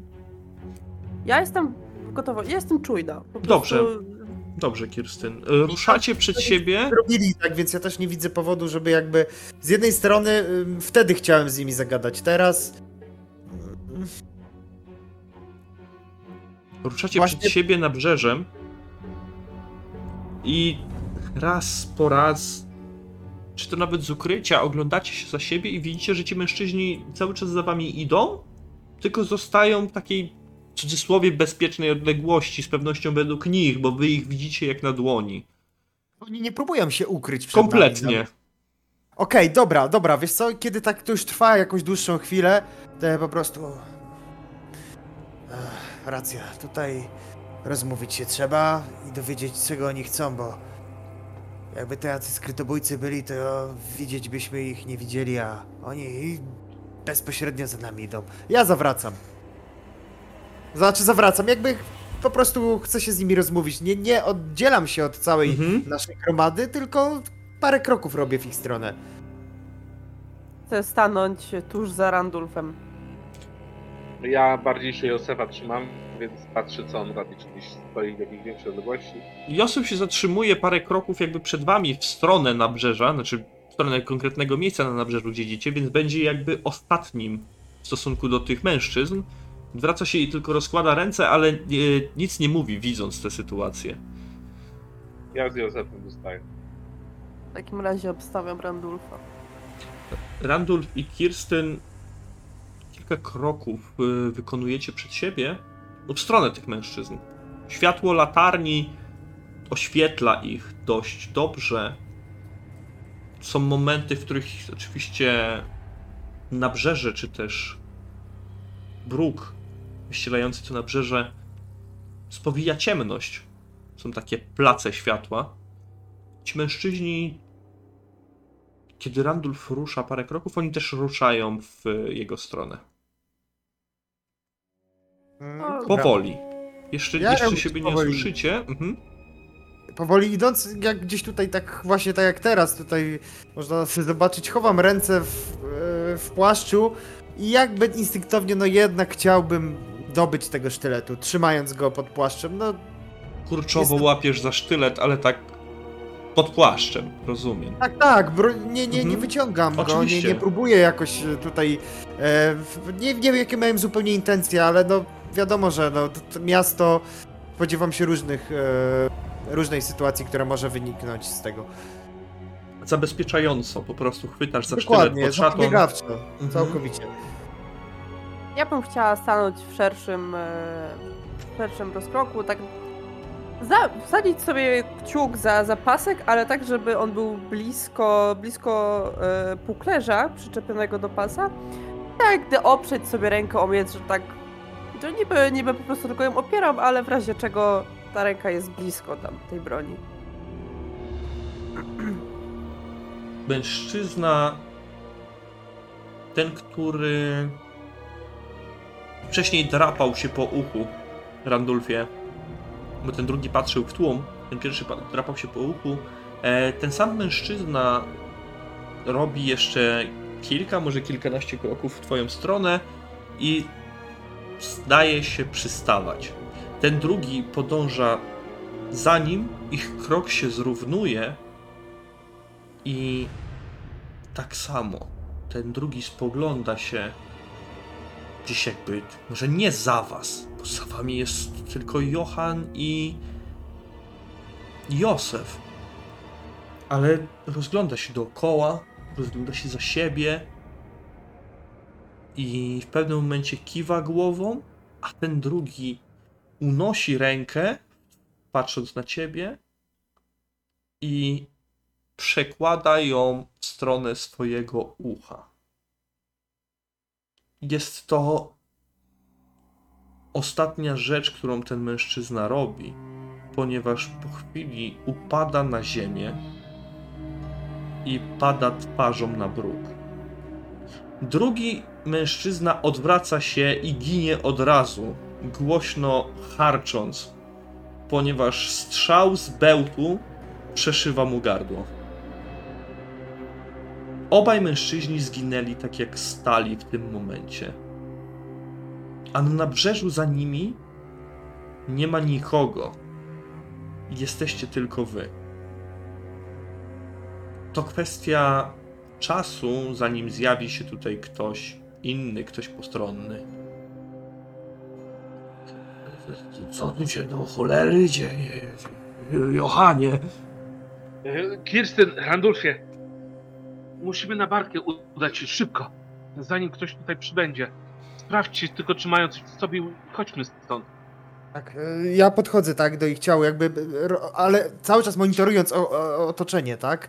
Przykucasz, Eee. patrzysz się na nabrzeże, co, co tu się dzieje i zaczynasz ich, mogę to powiedzieć jasno, przepatrywać, ale nadal w ten Chciałbym- sposób e, taki typowy dla ciebie, jak dla kleryka tak, Mora. tak, ja rozumiem. cały czas się modlę, bo wiem, że tych ludzi już na pewno nie uda nam się, nie no ma czasu, nie ma szans. Nie, ma, nie, nie, to nawet ja zdaję sobie z tego sprawę, ale z drugiej strony wiem, że jesteśmy w mieście Tak. i oni w końcu będą mieć ten pochówek, więc e, po prostu to nie jest dziełem przypadku, że spotykamy ich ponownie, tak więc, a to, że giną, to już w ogóle jest coś, e, coś bardzo podejrzanego, dlatego e, ja bym chciał zobaczyć mm, w pierwszej kolejności miejsca, w których on się drapał, tak, czy tam coś jest takiego, nie wiem, czy to był znak, czy to może rzeczywiście było coś, co e, w tym miejscu wywoływało jakąś wysypkę, która sprawiała, że on musiał się podrapać. No nie E, wiem, no. Spoglądasz pierwsze, co cię interesuje, to właśnie uszy tych mężczyzn i są to normalne uszy. Ci mężczyźni niczym się kompletnie e, nie wyróżniają. Całkowicie. Przepatrujesz ich, tak tylko poklepujesz, co oni mogą mieć. Może jakiś list nauczony przeszłością, co, co tutaj może być takiego. Kompletnie nic e, nie mają. Natrafiasz na to, że każdy z nich ma po sztylecie i w sakiewkach coś brzęczy. Oczywiście, że tak zawsze będzie coś brzęczyć. Randulfie, nie, nie ma czasu. Ubiór, jeszcze sprawdzam ich ubiór, czy jakoś e, charakterystyczny jest Nie. jakiś znak. Nie, nie, żadne szaty, nic takiego typowe ubrania dla mieszczan y, A i budowa ciała jakoś e, wyróżniają się na zasadzie bardziej krępi, bardziej. Wiesz, mam na myśli po prostu, e, jakby, czy sugeruje to jakiś ich zawód może. A, y- on na tej zasadzie. Nie, raczej takiej typowej postury przeciętnej. Normalna, dobra, i w tym momencie po prostu składam szybką modlitwę, jeszcze nie zwracając tutaj na Józefa uwagi, uwagę, e, robię sy e, symbol nad ich ciałami, symbol Mora, staję i po prostu ruszam szybkim krokiem do, do reszty. Chodź, Kirsten, musimy ruszać, oni nie mają nic, co może sugerować, czemu zginęli albo czemu nas śledzą. Ruszajmy. Tak, ja naturalnie podążam przy, przy Randulfie. Chodźmy na barkę, już niedaleko. E, Józef stara się was popędzać, kiedy ruszacie e, nabrzeżem w stronę kolejnych pomostów, w stronę barki y, zacumowanej w dokach. Ja nerwowo cały czas się obracam i przepatruję, czy przypadkiem właśnie ten zamachowiec, czy tudzież zamachowcy nas teraz nie śledzą, no bo Mhm. Oglądasz się co chwilę za siebie, ale nikogo nie widzisz na, na ulicy, na nabrzeżu. Co prawda, no wcześniej, nie, kiedy oni zginęli, też nie nawet- widziałeś. No tak, ale patrzę na dachy teraz. No może to, to nie jest przypadek, tak? Skądś y, te strzały musiały paść. Wcześniej... Szczególnie jakbyś mi powiedział, czy oni obaj e, zginęli od, od strzał, od bełtów? Tak. Okej, Jeden dobra, z nich miał bełt w plecach, drugi miał w szyi. Aha, dobrze. I strzały według ciebie padły z tyłu, jakby, no bo tylko tak mogły paść. Za nich. Okej, Najpierw dobra. jeden dostał w plecy i upadł na kolana, drugi się odwrócił tamtą stronę i dostał bełt w szyję. Od... Czy wiadomo jest, czy to byłoby tyle czasu, żeby ktoś zdążył Dokładnie, przeładować? przeładować. Raczej chyba nie. Myślę, że to albo. No właśnie. Poproszę o test broni zasięgowej kusza. No to ja też bym chciał wiedzieć. To... Ja też Broni- bym chciała wiedzieć. Um,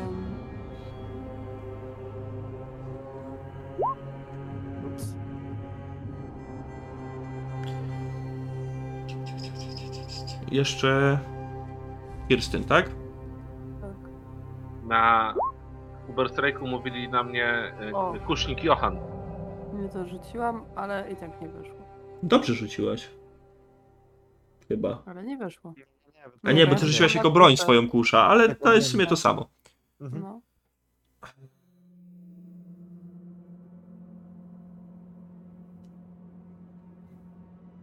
Johan,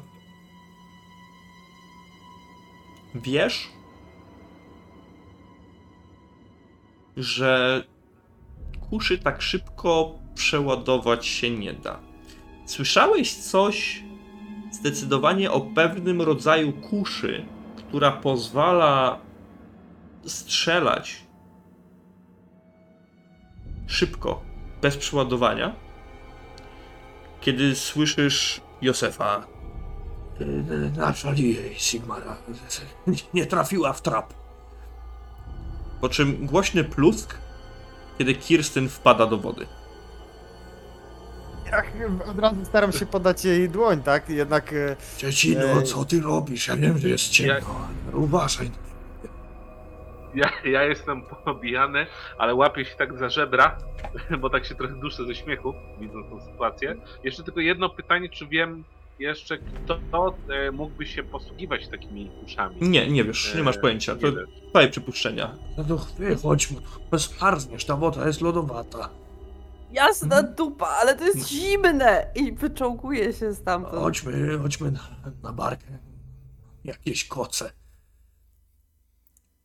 Wyczołgujesz się z tej przystani, kiedy wchodzicie po trapie na pokład barki Józefa. Jest już późno, może nie późna noc, ale zdecydowanie trzeba już iść spać i zobaczyć, co przyniesie nam nowy dzień. A przygody dnia następnego na następnej sesji. Dziękuję bardzo, kochani. Dziękuję. Ja tylko też dodam, póki pamiętam, bo pewnie zapomnę, że chciałbym podzielić się z nimi tymi wnioskami odnośnie kuszy. Dobrze, w Żeby to porządku. odegrać, to pewnie zapomnę. Okej. Dzielisz się z nimi o, m, tymi wie- wieśćmi na temat kuszy, więc jeśli potrzebujecie zrobić jakieś notatki na ten temat, to robimy notatki, a widzów ewentualnych już zostawiam, kończę nagrywanie. Pa, pa.